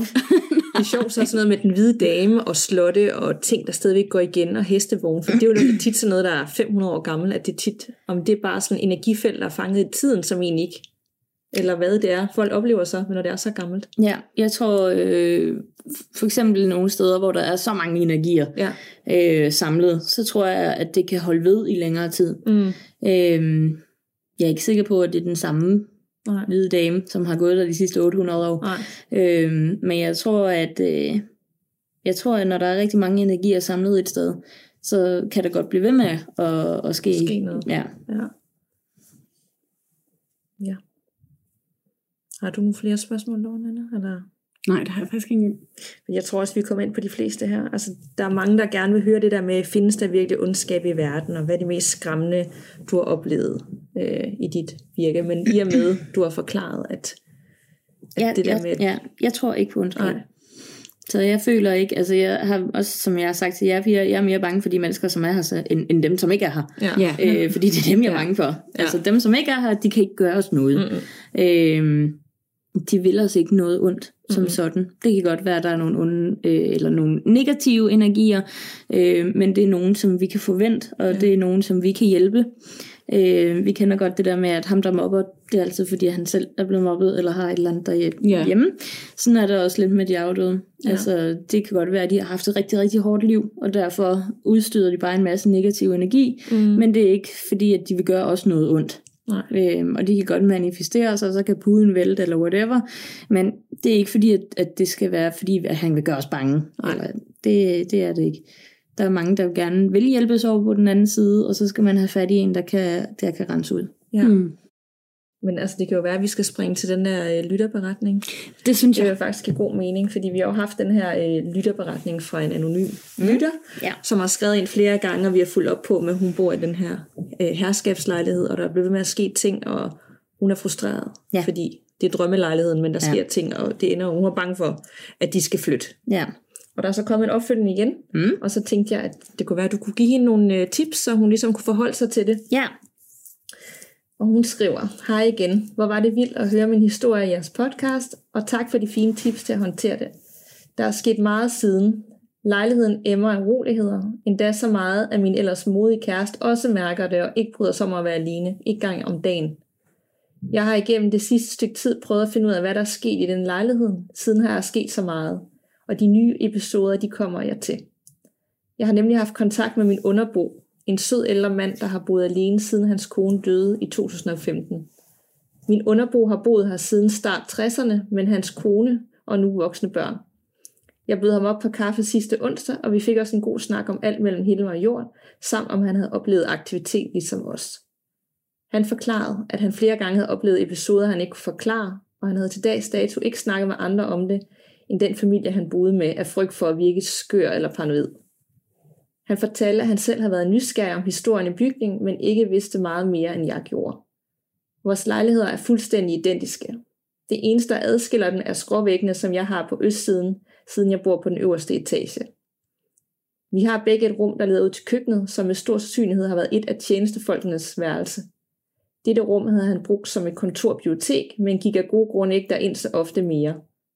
Han har igennem hele hans tid i lejligheden oplevet mest aktivitet netop der. Episoder, der indebar væsen og åndedræt i hans snakke. Han fortalte også om en episode, hvor hans nu afdøde kone havde stået i køkkenet, hvor døren mellem kontoret og køkkenet var åben. Min underbo sad derinde og lavede arbejde, samtidig med, at de havde en samtale. Alle vinduer var lukket. Døren smækkede pludselig i, og hverken ham eller hans kone kunne få den op. På samme tid røg elektriciteten, og alt lys slukkede omkring den. Døren var smækket i nogle sekunder, og da han trådte tilbage for at finde ud af, hvad filen der skete, åbnede den sig, som om intet var sket. Sekunder efter tændte lyset igen. At alle mennesker kan forstå, at jeg sad med øjne som tekopper og lyttede efter med iver. Han fortalte også, at han oplever, at han, hans fører i stuen den smækker i, at hans skruder nogle gange står på kontoret, og at hans vasketøjskur er væltet, samtidig med at alt tøjet ligger huller til buller. Han fortæller dog, at han ikke føler sig utryg. Han siger, at han oplever mange irriterende ting, som er til gene for ham, men han har det som om spøgelset prøver at hjælpe. Han mener, at det er en af tjenestefolkene, der spørger, og det forklarer, at alle de ting, der blev rodet ved, er huslige ting, så som nævnte øh, gryder og vasketøj. Jeg har inviteret ham op på aftensmad i morgen og håber på, at vi får snakket noget mere om alle de her episoder. Og nu til mine nyeste episoder. Jeg er stadig plader af ting, der bliver rykket rundt og væltet ned af vindueskarmene. Og min kat er den skyldig, fordi hun er et kæmpe røvhul. det ved jeg ikke, men siden at der sker så meget andet spøjs, så tvivler jeg på det. Lysene er også nogle gange tændt i rummet, hvor jeg med sikkerhed kan sige, at jeg ikke har tændt dem. Derudover der står tingene i mit køkken også anderledes, end der er efterladt det. Og det, det styrer lidt min tro til, at det kunne være et af tjenestefolkene. Modsat min underbo, så føler jeg mig utryg. Jeg mærker ofte temperaturforskelle, hvor der bliver køligere et rum på sekunder. Jeg oplever stadig bulleren i væggen, som om nogen slår på den indenfra. Jeg kan nogle gange vågne op og høre en slæben fra gangen. Jeg har kigget lidt på at få lejligheden renset, eller i hvert fald blive lidt klogere på, hvad der sker og hvem det er, der er her. Jeg føler mig ikke tryg i mit eget hjem mere, og det gør min kæreste heller ikke. Tænk, jeg kunne gå for at være den her komplette skeptiker til at blive så bange for det såkaldte spøgelse, at jeg overvejer at flytte. Jeg ved, jeg ved, jeg ved ikke, hvor vi skal starte. Nej, altså det hele lyder jo fuldstændig vildt uhyggeligt. Altså, Jeg ville også blive dødbange, hvis Ja. jeg oplevede alle de der ting. Det ville jeg virkelig. Altså, den her samtale i dag har det gjort mig lidt tryggere, fordi at, at jeg ville da jeg vil nok stadig blive bange, lige når det skete, men så vil jeg prøve at huske mig selv på alt det, du har sagt i dag, om at der er ikke nogen, der vil mig noget ondt, og det, det er ikke noget ondt, det er bare nogen, der prøver at sende mig et budskab, eller et eller andet, ikke? Mm. Men ja, og det lyder jo også som om, at hendes, øh, hendes underbo der øh, har tænkt det samme. Bare uden han føler sig utryg. Ja, præcis, ikke? At han føler sig sådan mere, at de bare vil prøve at fortælle ham noget, ikke? Jo, Jeg tænker også, jo mere man ikke hjælper den, eller forstår det, jo mere frustreret bliver det her, ja, den her spøgelse, ikke? Eller Jo. energi, at så forstå dog, hvad det er, jeg prøver. Altså, jeg ved det ikke. Hvad tænker Jo, du? Det, jeg tænker først og fremmest, at øh, det lyder som om, at hun er meget plaget af det. Og øh, jeg synes helt sikkert, at det vil være en rigtig god idé at få fat i nogen, som kan rense ud. Fordi det lyder som om, hun er meget plaget, plaget af det, og også hendes kæreste. Øh, så for at de kan få mere ro på, så synes jeg, at de skal øh, have fat i en, der kan rense ud. Mm. Øh, jeg vil selvfølgelig også meget gerne komme, øh, fordi at det kan også nogle gange, hvis man faktisk får sat nogle øh, ord på det, og altså, hvad er det lige, der sker her? Mm. Hmm. øh, så giver det også mere ro. Ja. Øh, jeg har hørt mange episoder om folk, der har øh, skulle have husrenselser, og øh, de har så fundet ud af, at det måske er en mormor eller et eller andet, der er der. Nå, men så er det faktisk okay, hun er her, så vil vi faktisk ikke øh, have hende sendt over på den anden side alligevel. Mm. Øh, så mange gange kan det også godt give en ro at finde ud af, hvad er det egentlig, der sker. Ja. Øh, hvorfor er det, at han bliver ved med at slukke lyset, eller tænde lyset, eller hvorfor er det, at hun bliver ved med at vælte den der øh, vasketøjskurve? Ja. Mm. Øhm, og nogle gange, så er det nogle bitte små ting, som bare gør, Ja, at ja. Nå, men det er fordi, at vasketøjskurven skal stå på højre side, i stedet for på venstre Ja. side. Og så stopper det, Mm. fordi at det var bare det, hun ville. ja. Det behøver ikke at være sådan en anden øh, Nej, større øh, Det behøver det mening. ikke. Nej. Nej. Øhm, så jeg synes helt sikkert, at hun skulle tage kontakt enten til jer, hvis hun gerne vil have mig ud, men ellers også øh, finde nogen, øh, som kan komme ud og rense igennem og få sat nogle ord på. Men er det, Ja, er det svært at finde? For jeg tænker, hvis det skete for mig, altså nu har vi jo det her, så, og kontakter, men hvis man bare tænker, hvor- skal jeg lige starte med at finde nogen, og er det bare at søge mig bare på Google, øh, rent, kom ud og rense min lejlighed, eller, det kan altså det kan godt virke sådan et, Det kan man sagtens. Øh, ellers så er der med nogle Facebook-grupper, der hedder noget med alternativ øh, behandling, øh, spørg universet, og der er også en, der hedder, så man kan gå ind øh, og spørge alt mellem himmel og jord. Ja. Øh, og så er der mange gange, så kan man jo også spørge, er der nogen, der kan øh, anbefale en i København øh, til noget husrensning? Mm. Og så kommer der jo sikkert 20 kommentarer. Ja, Ja, ja. hende her er dygtig, og hun har hjulpet mig, og så, altså, ligesom Ja. ja. alt andet, så kan man øh, spørge i forskellige øh, forum, ja. hvor, hvem der kan hjælpe. Ja. Kan det godt være, at det bare er øh, nogle tjenestefolk, der, der spørger, eller altså, hvad vil du tro? Det der med, det har man tit en idé om, det er en gammel lejlighed, så det var nogen, der har boet her for 300 år siden, øh, eller vil det som regel være nogen, man har en relation til? Det kan sagtens være nogen, som er tilknyttet til stedet. Okay. Mm. Øhm, og specielt hvis, øh, som det er noget hos øh, underboen med, at det er nogle øh, gry- gryder og noget vasketøj, mm. og så kan det sagtens være, være en tjenestepige, som stadigvæk er der, Mm. øhm, som går og, og roder med de her ting stadigvæk. Mm. Men det kan også sagtens være, øh, være, være nogen, som man selv har med. Men jeg tænker, i det her tilfælde, hvor det først er begyndt, da hun flyttede ind i den her lejlighed, Ja. øhm, at det er nogen, som er tilknyttet lejligheden. Mm. Så man må kunne sagtens kunne få stoppet det og få et... Helt sikkert. Det vil i hvert fald være synd at skulle flytte fra ja. Drømmelejligheden. Det synes jeg at også. Det er det, der skal være det, det synes jeg slet ikke, at de skal tænke over. Jeg synes mere, at de skal tænke over, hvordan de... Øh, hvem, altså, de skal have fat i en, der kan komme ud og rense, øh, så de kan få noget mere ro på. Ja. Hvad, hvad, hvad synes du, hvis nu man finder ud af, for eksempel, at det også er en stuepige, der, der er i deres lejlighed? Tænker du så også, der er på den anden side noget etisk i, at hun burde egentlig blive sendt videre, fordi det er lidt synd for hende, hvis hun skal rende rundt her for evigt og bare være tjenestepige og rydde op og vaske tøj og sådan Ja. noget? Øh, når man får fat i en afdød, når man er på sådan noget rensning, så, øh, så, så kontakter man afdøden, og så får man meget hurtigt, finder man meget hurtigt ud af, hvad det, hvorfor de er her. Ja, Øhm, og så kan man jo sige, øh, man kan også godt spørge direkte, om, øh, om de har lyst til at komme med over på den anden side. okay. Ja. Øhm, Kan de godt Så- sige nej? Eller?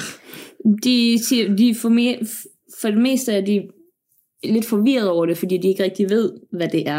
Ja. Øh, og så er det, at man hjælper dem og forklarer og viser lys, og så laver man en, en, øh, en, en hvid, et hvidt lys op til universet, og så går de op af det hvide lys. Ja. Øhm, så det, jeg vil sige, at jeg, jeg tror ikke, jeg kan huske nogen, som, som ikke er blevet afhjulpet af deres problem. Nej. Man kan altid blive hjulpet. Ja, ja. Altså, en energi kan ikke være så stærk, at den kæmper imod, fordi den bare vil blive her, hvor den altid har været. Altså, og... den kan godt kæmpe imod, eller være sådan øh, Rasmus modsat, Ja. og bare sige, nej, det gider jeg ikke. Mm. øh, men men man, man, får den, man får det altid afsted. Mm-hmm. Det gør man. Ja. Spændende. Mm. Håber, at du kunne bruge de rigtig, rigtig gode og brugbare tips Ja, til den øh, anonyme lytter. det håber jeg virkelig også. Det var sådan ligesom om, øh, tænker jeg, altså hvis jeg boede i lejligheden, så ville det også give mig sådan lidt en ro, at det er ikke, det er ikke noget skræmmende eller uhyggeligt. Det Altså, håber det, jeg. det, Jeg synes, at hun skal så vidt muligt øh, prøve at vente til noget positivt. Det kan godt være rigtig svært, når man sidder i situationen. Øh, men også det her, som vi har snakket om. Sig ud i rummet. Sig det højt. Mm. Øh, jeg ved godt, du er her, men øh, jeg synes, at øh, det er meget ubehageligt, så jeg vil gerne have, at øh, du bare tager væk igen. Mm-hmm. Ja. Øhm, eller lad være med at gøre de her ting, som lad være med at slukke lyset, eller lad være med at tænde lyset, fordi at det gør mig utryg. Øhm, og hvis det stadigvæk ikke hjælper, hvis de har, jeg, jeg synes, det lyder som om, at hun føler, at der er rigtig meget energi, Mm. ja, så synes jeg, at de skal have fat i en, der kan rense. Ja. Ja. Hvad med det der med temperaturforskellen? Det der med, så er det bare helt vildt koldt. Så er det normal temperatur igen. Er Ja. det noget, man godt kan opleve? Ja, sagtens. Det er det måske også. Ja, det jeg. Ja. Øhm, men det er fordi, at der er nogle energier. Mm. Så, øh, altså, så, så kan man mærke, at så bliver det lige pludselig meget koldt. Ja. Så er det fordi, at der for det meste er nogen på besøg. Ja. Ja. Men det er ikke noget, man, man skal være Nej, bange nej, for. det betyder ikke, Det, at man skal... nej, nej, det kan godt være mormor, der bare vil give knus, eller mm. vil lige se, hvad du laver. Et eller meget koldt knus. Ja. Der er også nogen, der oplever det som varme. Okay. ja. Hvordan- har du egentlig et rigtig godt råd til nogen, der ikke har oplevet noget endnu, men som også bliver lidt nervøse over, om de åbner for noget ved bare at lytte til vores podcast. Har du et godt råd til, hvordan de ligesom kan forebygge at opleve noget? Øhm, jeg, jeg, jeg tror ikke på som sådan, at man bliver mere åben, fordi man sidder og lytter til jeres fortællinger. Mm. Øh, man bliver måske mere bevidst om det, øh, men man bliver ikke som sådan mere åben øh, for det. Øh, det her, som vi også har snakket om, at nu får man selv en grøn bil, og så ser man grønne biler over det hele i hele København. Ja. Øh, sådan er det lidt det samme med, at øh, og nu har vi snakket om øh, skyggemennesker, og så synes man hele tiden, "Uh, var det et skyggemenneske, var det et skyggemenneske? Ja. Øh, så jeg tror ikke på, at man kan blive mere påvirket af det. Øh, jeg tror bare, at bevidstheden bliver mere opmærksom på det, som man måske i før i tiden ikke har været så bevidst på. Mm. Det er jo rigtig rart at høre. Så vi kan i hvert fald ikke være skyld i, hvis... øh, Nej, nej, nej, det er I ikke. Dejligt. Godt. Så har vi det lidt bedre med det. Ja, ja, det har vi.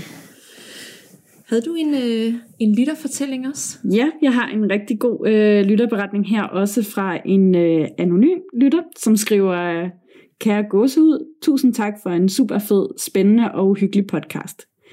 Jeg kom i tanke om noget, der er hent min mor og jeg, og som jeg selv synes er ret underligt. Min mor og jeg flyttede ind i en lejlighed ovenover hendes klinik, som hun havde haft i 10 år. Det skal siges, at min mor og jeg altid har været særlig sensitive over for gode og dårlige energier. Min mor er lidt spirituel og går meget op i, hvad man er i og hvad man står for. Lejligheden var en gammel herskabslejlighed med højt til loftet, og den var meget, meget smuk.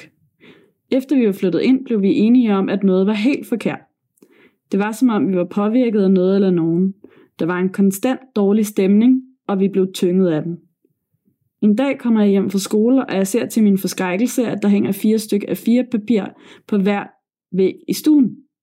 Der stod noget, der lignede, der stod noget på det, der lignede latin.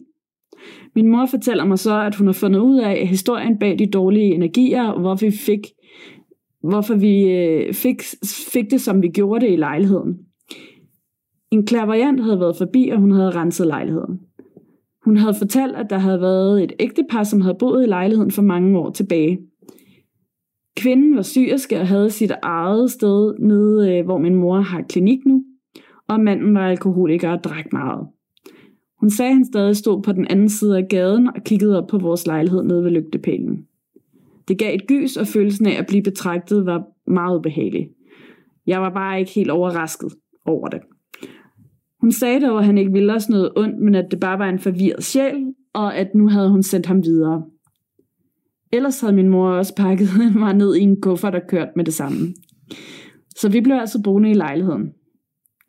Jeg var tit i lejligheden og sov selv. Energien var blevet bedre, men jeg brød mig ikke om det 100%. Det var bare en følelse af ondt, når man var der. Det er ikke rigtigt til at forklare, men det håber jeg, at nogle andre kan spejle sig i, og at, at, at i det der med, at den kolde følelse, der kan opstå i at være i det her. Mm. Jeg var faldet i søvn, og det skal lige siges, at vi havde en boende ovenpå. En meget stille udlænding, som bare passede sig selv. Der var aldrig larm ved ham eller noget i den stil. Jeg vågnede, og klokken havde været omkring 2-3 stykker om natten, og jeg hørte en masse lyde om mig og ovenover mig. Det lød som om overboen havde bestemt sig for at møblere om. Det irriterede mig helt vildt meget. Jeg prøvede at falde i søvn, men det blev bare ved. Det lød så voldsomt. Jeg prøvede at forstå, hvorfor i alverden overboen skulle begynde at rykke rundt sådan med møblerne derop. Jeg snakkede efterfølgende om det med min mor nogle dage efter, og hun havde også lagt mærke til det. Jeg forhørte mig lidt om, om det, og nogen mener, at det er ånder, og typisk ting, som man kan høre. Jeg synes, at det var uhyggeligt, for på den anden side kunne jeg heller ikke se, hvordan den unge kvinde op ovenpå, som studerede lange dag, kunne have tid og overskud til at ignorere sin søvn for at så at flytte møbler dagen lang, eller natten lang. Så det måtte være noget andet. Måske noget overnaturligt. En nat kom det samme igen. Det var højt og for uroligende. Jeg blev småirriteret over det, for jeg skulle selv tidligt op. Jeg snakkede med min mor om det, og senere fandt min mor så ud af, at ingen havde været hjemme den nat i lejligheden ovenover os. Om jeg bare havde hørt lyde og drømt det, hvilket skulle forbavse mig. Altså, fordi det føles virkelig, virkelig, virkelig. En ting er sikkert, vi er ikke alene i den her lejlighed. Med venlig hilsen anonym. Endnu en herskabslejlighed. Ja. ja. Hvad, altså, der er der igen det der med både temperaturforskel, øh, men også den der med Mm. følelsen af noget ondt, Ja. fordi det er det ukendte. Tænker du, øh, Janit, at øh, igen, at de har jo haft en ude, Ja, det kan sagtens være, at man, man øh, skal have en ud igen. Øh, der er nogle gange, hvis øh, at man giver plads til en anden, som Ja. ikke har haft, øh, som ikke har haft muligheden for at være der tidligere. Øh, så man kan sagtens komme ud for, at man skal have en ud flere gange. Ja. Ikke fordi, at det er den samme, øh, man skal have sendt afsted flere gange, men simpelthen fordi, at der opstår noget, noget nyt. Og det er ikke fordi, at man bor et sted, som bare tiltrækker, eller øh, at man selv tiltrækker noget ondt, eller et eller andet. Øh, det er, jeg har selv oplevet øh, nogle, nogle meget høje bankelyde, øh, som jeg heller ikke kunne forklare, som jeg synes var vildt irriterende der midt om natten. Øh, men jeg endte så bare med at flytte, øh, fordi Ja. jeg alligevel skulle flytte. Det var ikke på grund af bankelyden, når jeg flyttede. Øh, men helt sikkert ville jeg få en ud til at hjælpe igen. Ja. Så jeg tror ikke, at det er, at, at det, igen, jeg tror ikke på, at det er noget ondt. Øhm, men jeg synes, at de skal få en ud, fordi det lyder som om, at de selv er påvirket af det. Ja, og der er nogen, det lyder som om, der er nogen, der har noget at sige. Ja. ja. er det en metode, det der med at hænge nogle af fire stykker papir op med noget latin på, eller altså, Altså, jeg laver ikke som sådan så mange husrenselser, ikke på den måde i hvert Nej. fald.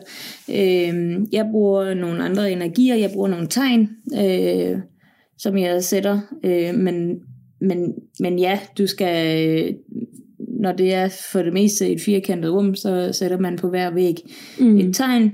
Øh, og i hendes tilfælde bruger hun nogle latinske betegnelser øh, for at beskytte og rense. Okay, ja. så det er ikke bare, et husrense fun- fungerer ikke bare sådan, at man går rundt og så tænker nogle ting, eller har sådan noget... øh, Nej, vi sætter nogle øh, punkter ja. inde i hver rum, så vi skal igennem hver rum. Sætter nogle punkter, sætter nogle energifelter, renser ud i hvert rum. Så det er ikke sådan, at man bare kan gå lidt rundt og sådan. Altså, det tager noget tid. Vi skal igennem alle rum. Okay. Ja. Okay. I USA er det jo tit sådan noget, hvor de har øh, sage, hvad var det nu, det hed på dansk? Salvie. Salvie, Ja. sådan er det ikke. Øh, Det er der også nogen, der arbejder Okay. med. Øh, det, det kan man sagtens. ja. Men, Så er der øh, forskellige måder at gøre det på. Ja, men jeg, jeg kender ikke, øh, altså jeg kender ikke lige den her måde i hvert fald, men, men altså overordnet set, så lægger man nogle. Ja. nogle energifelter ind, som Mm. beskytter og som renser ud. Øh, og så til sidst, hvis der er nogle afdøde, som skal hjælpes over på den anden side, så gør man også det. Ja. Okay. Ja. Nå, men jeg har også en her. Ja.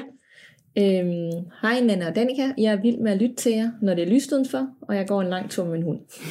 det er ligesom os selv. Vi er også Ja. kun i gang, når det er lyst. Ja, Så det bliver rigtig spændende til vinter. præcis. Uh, ja.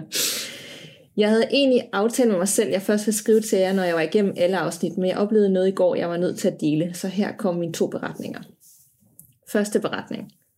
For to måneder siden havde jeg et mareridt om, at jeg var hjemsøgt. Jeg gik rundt med den følelse af at blive overvåget, uanset hvor jeg var. Det var værst på badeværelser, fordi jeg kunne se ånden i spejlbilledet. Uh. Men det var mærkeligt, for ånden havde taget skikkelse som en blogger-influencer, jeg fulgte på Instagram. Ej, det er dig, Danika. jeg tog det også lidt personligt, ja, men det er sådan her, nå okay, som jeg ved ikke er død. Øhm, altså, den hun så i spejlet var ikke ja. død, så det var mærkeligt. Men ånden havde en historie. Hun var blevet myrdet med sin bror, hvor de var blevet druknet i en brønd, men deres liv var ikke blevet fundet. Derudover var jeg begyndt i drømmen at isolere mig selv fra min familie, fordi jeg var bange for, at ånden ville klæbe sig til dem også.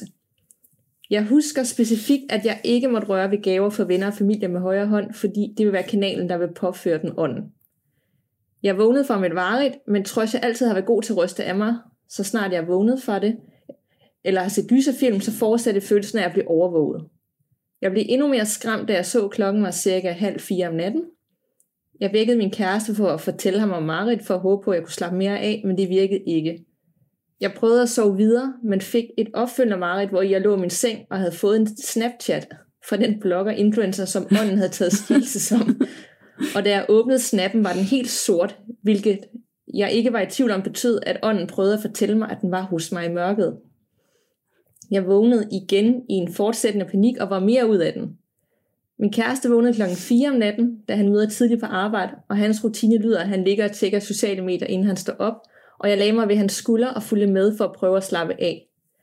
Men trods af, at han ikke følger hende bloggeren, så dukkede hun op på hans telefon, og jeg blev simpelthen så bange, da jeg synes, at det blev ved med at vise sin tilstedeværelse. Jeg fortalte min kæreste, at det var hende, jeg havde set i min mareridt.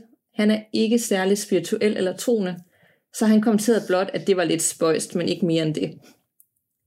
Da han forlod værelset for at tage på arbejde, så tændte jeg lyset og sov fint resten af natten, og ringede til min klaviant, som det første, da jeg vågnede om morgenen. En god veninde af min familie er nemlig klaviant, så hun hjælper mig med sådan noget, da jeg er meget modtagelig.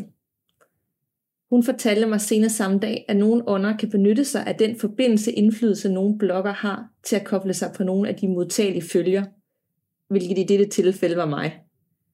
Hun fortalte mig, at det ofte er de blogger, som ikke har en anden form for beskæftigelse end sin blog, og er meget opsat afhængig af antal følger. Hun sagde, at for nogle er energien og intentionen lidt mere negativ omkring det, de laver, fordi de går meget op i antal følgere og penge, end at de går op i at dele historier og formidle. Hvilket passer godt på den blogger, jeg fulgte. Så er det ikke dig. Jeg følger hende ikke mere. Jeg har ryddet lidt op i de blogger, jeg følger, og jeg følger gerne dem, der har familie og eventuelt et job ved siden af bloggen, fordi der er noget dybere i deres liv, som giver ro. Anden beretning. Denne beretning var faktisk den, der skubbede mig til at skrive til jer, inden jeg kom igennem alle episoderne, da den faktisk har at gøre med jer på en måde. Nå. Nu, Åh.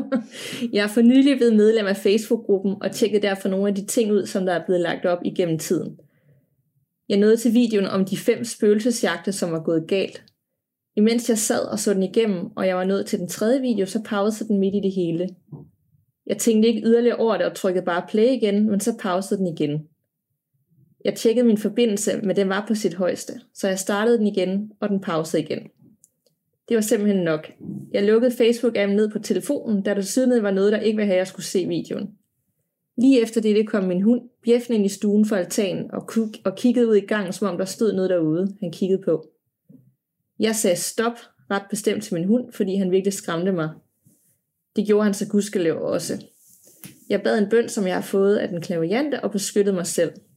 Jeg satte mig så for at se en serie, så jeg kunne distancere mig selv fra det, men jeg skulle lige ryste af mig, fordi det skræmte mig godt nok. Det er mine to beretninger, som jeg simpelthen ikke kunne lade være med at dele med jer og lytterne. Hilsen Nana. Åh. Altså, for det første, så var jeg virkelig overrasket over det der med modtagelige følger, og at et, en blogger, influencer, kan manifestere sig som en drøm som noget. Ja, ja. Det er faktisk mega uhyggeligt på en eller anden måde, ikke? At det er noget, man jo. egentlig bruger så meget tid på i løbet af dagen, at det kan gå ind og, og gøre folk bange om natten. Præcis, jeg kom sådan virkelig til at tænke på, hold nu op mand, det er det perfekte plot til sådan en moderne gyserfilm, Ja? Den mindede mig sådan lidt om den der, jeg ved ikke om I har set den, den hedder Unfriended, hvor det er sådan en gruppe venner, der, øh, de- der, der er en pige, der vist nok har gået, begået selvmord i deres klasse eller sådan noget. Jo, den har jeg set. Ja, Den er vildt god. den er faktisk rigtig, ja. rigtig god, ja, og den handler egentlig bare om, at de sidder her øh, i hver deres værelse og skyper med hinanden og holder et eller andet møde om noget, ikke? Øhm, ja, Og jeg tænker sådan, det, det, det er lidt derhen af, det der med, at, øh, at noget kan koble sig til de her influencer, man følger. Altså, nu, jeg ved ikke, hvad du tænker, men jeg tænker i det her tilfælde, at man bruger så meget tid på at involvere sig i både det her podcast, vi har, men også Ja. med blogger, man Ja, følger. ja. Altså begynder det at fylde så meget, at man kan bilde sig ind, at øh, der er en eller anden anden ting bag. Kan man en ånd tage, som hun har jo en veninde, der er klaverjant, som siger, at en ånd godt kan tage form af en blogger, fordi de har indflydelse. Er det, altså, eller er det... Altså, jeg har ikke hørt om det. Nej. Nej, Men det vil- altså det, det kan sagtens øh, være, at, øh, at, de, altså at det ikke er en ånd som sådan, der har taget form som en blogger, men at bloggeren øh, har øh, negativ udstråling. Og, øh, og hvis hun så er meget modtagelig, jamen så øh, at hun simpelthen har taget det på sig. Mm. Øh, men jeg tror ikke, at det er et tilfælde. Jeg tror måske, at det var meningen, at hun lige skulle have den her opvågning og sige, fordi efterfølgende har hun jo øh, altså ryddet ud i dem, ja. Hun følger, så hun Ja. måske følger dem, som giver hende lidt mere indhold i livet. Ja. Ja, Så jeg tror måske, at det har været en opvågning til hende, at Ja. øh, hun lige skulle tage sig sammen og finde ud af, hvad hun egentlig synes, at hun Ja. skal bruge de her sociale medier til, så det ikke påvirker hende negativt, men måske i en mere positiv retning. det synes jeg giver virkelig, virkelig god Virkelig mening. God, ja. god reminder til alle om, at Ja. ja. Bruge tid på det, som giver en god energi og Præcis. positive vibes. Og, ja. Ja, Helt sikkert. Så det var faktisk ret fint ja, en det, oplevelse. ja. Også, jeg, jeg følte mig ikke truffet. Nej. jeg synes faktisk, det var meget, meget øh, sjovt også. Altså, så Ja, det var ikke helt sjovt for hende, men så var det meget sjovt, at, øh, som du siger, det kunne være en god gyserserie. Helt Ja, vildt god jeg gyser. Jeg også, håber, at, der er øh, nogen, der samler den op et eller andet Ja. sted. Ja. Og, ja. Jeg tænkte, at uh, Pua, hun har set for mange gyserfilm, eller Ja. ja. eller, der er et eller andet, der har sat Ja. sig i hendes, øh, i hendes underbevidsthed i hvert fald. Ja. Præcis. Og det samme gør jo sig gældende med gåsehud, hvis det ikke giver en noget positivt at lytte med, og man går og bliver bange, og ja. man er sådan, uh, altså, så skal man jo måske heller ikke lytte med. Nej. Det er jo også fint. Det er jo ikke sådan, der er ikke nogen, der er tvunget til noget. Nej, præcis. Og det er også, altså det har vi haft op at snakke om mange gange, og mm. jeg kan se, der også er flere, der stadig spørger til, sådan, hvad bliver der af de der øh, lydeffekter, Ja. og, og, og nye lytter, der, der bliver skræmt af, at der er lytter, Ja. at der er de her lydeffekter og sådan noget. Men ja, det er nemlig den her balance, at nogle gange kan det være fedt lige at få forstærket det der gys, mm. men det, vi, vi er ikke ude på at skræmme livet af. Præcis, og, det, og der tror jeg bare, der har været nogle episoder, hvor folk er blevet så skræmt, og det er jo heller ikke fedt, når Nej. det kommer uventet. Ikke? Og så kan jeg godt se, at der er nogen, der elsker det, ligesom en god gyserfilm, at det er den Præcis. chok-effekt. Ja. Men jeg tænker også, at vores ord skal kunne bære det her. Ja. Altså, og være spændende nok, i stedet for, at vi skal have nogle skræmmende lydeffekter, på, Ja. som giver måske nogle billige point på, Ja. på. Jeg kan også godt se det sjove i det. Jeg elsker også gyserfilm. Ja. Men jeg kan godt forstå, at alle andre ikke synes, det er det fedeste. Ja. Så det er ikke fordi, vi vil skuffe folk, at vi har taget den ud. Mm. Nej. Det er bare, lige nu så tænker jeg, at det føles rigtigt, som det er. Præcis. Og så er det det, vi gør. Ja. Jeg vil sige, med hensyn til de her lydeffekter, så har det en meget øh, anden påvirkning på mig. Fordi at øh, nogle gange, hvis, øh, hvis I havde lagt en lydeffekt ind med en mand, som træk vejret dybt, eller nej. et eller andet, så, øh, så var jeg jo i tvivl om, det var oh, ja. en i jeres podcast, eller om det var en her hos mig, som gjorde det. Så jeg Ja. blev ikke bange som sådan, men jeg tænkte, hov, var det noget, jeg lige skulle være Ja. opmærksom på? Ja, ja. Øhm, jeg vidste jo godt, hvis jeg havde øh, min øh, ørebøffer på, så vidste jeg godt, okay, så er det jeres podcast. Ja. Ja. Men nogle gange, så sætter jeg det på højtaler derhjemme og går rundt i lejligheden. Så hvis der lige pludselig var nogle lydeffekter, så blev jeg i tvivl, om det var inde i jeres podcast, mm. eller om det var her hos mig, det skete. ja. Øhm, Der tror jeg lige, du bekræfter mig i, at, øh, At det er bedst at lade være, ja. Jeg tror også, det der, der var en, der skrev, at han hørte det i bilen, og han følte, at han var ved at køre galt. Så tænkte jeg, nu er det slut. Ja, nej, nej, nej, det går slet ikke. Jo. Nej, Altså, så tænker jeg, det var det. Det, ja. det havde jeg slet ikke lige uh, tænkt uh, konsekvenser igennem over, folk kunne blive skræmt. For jeg kan jo Nej. godt sidde og sætte den på og tænke, uh, det var det uhyggeligt, det, og sådan, og sådan grine lidt selv, ikke? Men det er jo ikke ens for med andre, de, uh, Nej. de har det på samme måde. Så. Jeg synes også, at I gør det så godt, at I ikke behøver jeres lydeffekter. Åh, oh, det er dejligt. ja. Nå, det er slut. ja, det er slut, ja. på nær døren til sidst, den forbinder ja, man. den, den, den, den, den skal være der. Ja. ja. Godt. Jeg har faktisk også en, en lille historie mere, øhm, fra også en anonym lytter, som skriver, Hej Danika, tak for et fantastisk podcast. Og Nana. Hun har måske ikke nået så langt. Nej, det kan godt være. øhm, jeg ved ikke lige, hvordan jeg skal starte, så jeg springer bare ud i det. Min mors moster og onkel boede på en gammel ødegård i Norge, og hver dag sad min mors onkel inde i stuen og kiggede ud i haven og håbede på, at der skulle komme et rådyr. Efter mange år var der stadig ikke kommet et eneste rådyr. Min mors moster blev meget syg, og det, og det sidste hun sagde til min mand, inden hun sov ind, var, jeg lover, jeg kommer og besøger dig. Året efter ville hun have blevet 70 år. Hendes mand sad stadig i stuen og ventede, og på hendes fødselsdag stod der et lille fint rådyr ude i haven og kiggede ind på ham. Hun holdt, hvad hun lovede. Hun kom tilbage til ham. Åh, Ja, det var sødt. nå. Det var en rigtig fin Ja. en lige at slutte af med, altså. Ja. Kan, altså, hvis man ikke er død nu, og man så siger til nogen, man holder af, jeg gør det her, når jeg er død, så kan man godt. Det tror jeg. Ja. Det, øh, ja, den var rigtig sød. Ja. Ja, det var rigtig fint. Øh, men som, altså, som jeg siger, så tror jeg jo på, at vi kommer tilbage i en eller anden form på Ja. jorden igen. Så det kan jo sagtens være, at hun kom forbi som et lille rådyr. Nå, hvor dejligt. Ja, det var så fint. Ja. ja. Det var også en, altså, må være en dejlig bekræftelse for ham, ikke? Jo, det må det være. At hun stadigvæk er derude og på en eller anden måde Ja, og besøger ham. præcis. Ja. Det var en Ja. god en at slutte af på. Ja, det var det. Noget positivt. Ja, det har været i det hele taget en super fantastisk snak i dag, synes ja. jeg. Og øhm, det kan jo være, at vi kan gøre det igen en anden gang. Mm. Så jeg tænker, at hvis der er nogen, der har spørgsmål derude, eller hvis I har en lytteberetning eller noget, så skriv til os øhm, på vores e-mail, sådan så vi kan holde styr på det. Og den hedder gåsehudpodcast.gmail.com, og det er gåsehud med to A'er. Mm. Og man må også altid gerne øh, anmelde os i iTunes, Ja, hvis man har lyst. Og hvis man ikke har lyst, så lader man være. Men øh, vi bliver glade. ja det gør så, og du, Janni, øh, man kan også komme i kontakt med dig på andre måder, hvis man har et kæledyr, der har brug for at blive lyttet til. Der har Ja, et eller andet. Det kan man også, eller hvis man selv har behov for at blive lyttet Ja. ja. til øh, med noget healing, og jeg laver både healing på Brix, og øh, laver også fjernhealing, så hvis man sidder i Jylland og tænker, det kunne jeg rigtig godt tænke mig, så kan vi sagtens øh, finde ud af det. Mm. Fantastisk. Det tager cirka en halv times tid, hvor man egentlig bare skal lægge sig ned og slappe af. Ja. Og så øh, modtager man den healing, som jeg sender. Øhm, og det kan man gøre. Lige nu der har jeg en Facebook-side, der hedder Dyretelepati og Clarence ved Janni Stenter. Øhm, og ellers så find mig ind på Facebook, eller så kan I jo skrive til pigerne her, så skal de nok Ja, sende det videre. Så sender vi det videre, ja. Ja, Vi jeg sørger for også også- lige at sætte linket ind i Facebook-gruppen, ja. Ja, Ja, men det når tænker afsnittet kommer ud, så, øh, så folk ved, hvor Ja, yes. det Ja, Helt og sikkert. kan de jo altså altid skrive til os, hvis de har et eller andet opfølgende eller yderligere Ja. ja. Spørgsmål, som vi ikke lige har fået dækket. Jeg synes, vi kom hele vejen rundt, men det er jo så bredt et emne, at der skal nok være noget, man overhovedet ikke har ja. talt om. Ja, Og hvis der er noget, som jeg ikke kan svare på, så vil jeg selvfølgelig gerne sende videre til nogle andre behandlere, som jeg kender, dejligt. øhm, som kan hjælpe. Mm. Fantastisk. Ja, det er fantastisk. Ja. Skal vi dele nogle godshedstip i dag, eller? Ja. Ja, bare lige hurtigt som afsluttende fast ritual. Ja, har du ikke klar? Øh, ja, øh, det har jeg, men det er mere bare en serie, jeg er øh, gået sådan lige startet på. Øh, jeg ved ikke, om du kan huske Scream-serien, der kom Jo. på for øh, nogle år siden. Den Der var- elsker jeg. Ja, der er jo kommet igen et remake af den. Nå, Ikke har de sammen, ja. Som øh, har et lidt andet twist, og det er VH1, der producerer det. Nå hvor sjovt. Ja, øh, og den er i gang, og det, jeg vil ikke sige så forfærdeligt meget, men at nu laver de igen et, men det kan faktisk godt fungere fint, hvis man er det til det. Det er kun seks afsnit, så det er jo nærmest som sådan en miniserie, og der er kun den ene sæson. Fantastisk.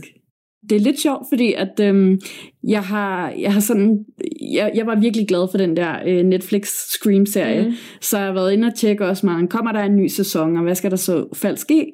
Og så kunne jeg se sådan både på, på deres Wikipedia og på øh, IMDb, at der skulle komme en, en ny sæson af Netflix-serien også, ja. men med et helt nyt cast. Men kan det være, det er den her så, som bare producerede dem? Det tror jeg faktisk, det er. Ja. Fordi at den var produceret blandt andet også, uh, MTV havde i hvert fald noget at gøre med ja. det. Så det er helt sikkert, ja, fordi MTV og VH1 er, er samme, samme firma. Ja, ja. Okay. Så ja, det kan det, det. det. Fedt mand, det glæder mig vildt meget til at se. ja. ja. Fedt. Ja, men øhm, min, øh, min anbefaling, det er en øh, app igen, mm. som hedder Ghost Lens, som blandt andet fungerer lidt som, som sådan den her øh, spøgelsesradar. ja, så kan man sådan... ja, lige præcis. Janni, hun griner. Ja, men det, jeg tror overhovedet heller ikke på det. Også jeg har prøvet på den, men det er skide sjovt. Og jeg tænker igen også, det er sådan en perfekt sådan Halloween-ting, eller ja. fredag den 13. Det er jo snart fredag den 13. Er det ikke i den her måned? Jo, Nå, jo. Ja, så kan man lige sådan lave lidt øh, hyggelig uhygge, og så kan man gå på øh, øh, spøgelsesjagt med den her ghost lens. Ikke? Ja. Og så kan man også, øh, hvis, når man bliver træt af det, så kan man nemlig også lave både video og billeder, hvor man selv ligesom øh, sætter sådan nogle små klistermærker ind med spøgelser, eller mm. ja, man kan sådan, øh, ja, optage, at der kommer et lille spøgelse ind over skærmen eller noget. Ikke? Mm. Og det er også, den har den her augmented reality funktion, sådan så at du har kameraet, der mm. fungerer sammen, sammen med det. Ikke? Ja. Det er ret Mere sjovt. sådan et uhyggeligt gadget. Ja, lige præcis. Hvad tænker du, Janje, sådan med uhyggelige film og serier? Holder du dig for det? Nu er det... Nej, det kan du godt lide. Det kan jeg sagtens. Ja. Øh, jeg har også prøvet de her sjove apps med, med min veninde, øh, som jeg også har fortalt om øh, tidligere sammen mm. med jer. Øh, og det er meget sjovt. Ja. Men man skal altså ikke blive bange, fordi at vi havde den i gang hjemme i min lejlighed, og jeg vil sige, der er meget sjældent aktivitet hjemme hos mig. Ja. øhm, og øh, der var også de der øh, ja, pindemænd og sådan noget på. Og ja. Der vidste jeg jo, at okay, der er ikke noget, men, men man blev alligevel sådan lidt, åh, jeg tør ikke kigge, fordi man Der bliver sådan bare komme en- et eller andet. Ja, Præcis, ja. men øh, de er meget sjove, Ja, de, er der, de der apps. Men øh, jeg kan sagtens se gyserfilm. Jeg er ikke bange for gyserfilm overhovedet. Ja. Øh, som sagt, jeg er mere bange for de mennesker, som er her, end dem, der ikke er her. Ja. Så øh, det, det Same. kan jeg sagtens. altså, ja. jeg har også set... Øh, altså, jeg er tit i biografen og set gyserfilm. Fedt. Og apropos det, vi skal jo ud i aften. Ja, det skal vi. Ja. Og se et. Jeg glæder mig så fantastisk slutning. meget. Ja. Ja. Jeg, jeg glæder mig ikke så meget til at skulle cykle hjem øh, midnat alene og efter. Men øh, det er, hvad der er. Jeg glæder mig også til at se den. Har du set? Nej, jeg, jeg skal se den sammen med min øh, Body in Crime. Ja, har du set det, Ja, del 1? Ja, Ja, ja, ja. Vi skal Ja. ind og se den næste lørdag. ja. Fedt. Så ja. Ej, er, Ej, apropos The Hat Man, ikke også? Og det blev sådan lidt, fordi nu skal vi ind og se den her i aften, og det er skræmmende. Og så apropos The Hat Man, i morgen, der skal vi have, øh, jeg er med i bestyrelsen her, jeg bor i sådan en ejerforening, og jeg er med i bestyrelsen, og øh, vores tørtum, der er gået i stykker, så det vil sige, i morgen, der skal vi have renset sådan rør, der er i stykker. Og det er der en skorstensfejr, der kommer at gøre. Og de kommer jo altid i de der traditionelle outfits med den høje hat. Gør så de jeg det? får- ja. Nå. Ja, så The Hatman kommer hjem til mig i morgen. Den What? ægte Hatman, ja. Husk lige at få et billede. Ja, det skal jeg gøre. Ja, Nå, men ej, tusind tak, for du var med. Det var Ja, fantastisk. det var det tak. virkelig. Jeg ved slet ikke, hvad jeg Så skal gøre næste gang, vi skal optage, fordi så er det, så, er det, det var det, så det har vi jo ikke den helt samme øh, know-how, øh, Nej, og kan svare lige så godt på lytterberetningerne. nej. Det er mere bare sådan, uh, det var uhyggeligt. Og, ja, Til gengæld har vi lært meget, vi kan bruge Ja, næste det gang. Ja. det håber jeg. ja, ja, det kan vi. Som vi også selv kan tage videre, og som lytterne kan tage med videre. Ja, præcis. Mm. det er jeg sikker på. Så tak, for du var med. Ja, Selv tak, tak for det. Og tak, fordi I lyttede med derude. Ja. Og pas på, man ved jo aldrig, hvad der venter bag den næste dør.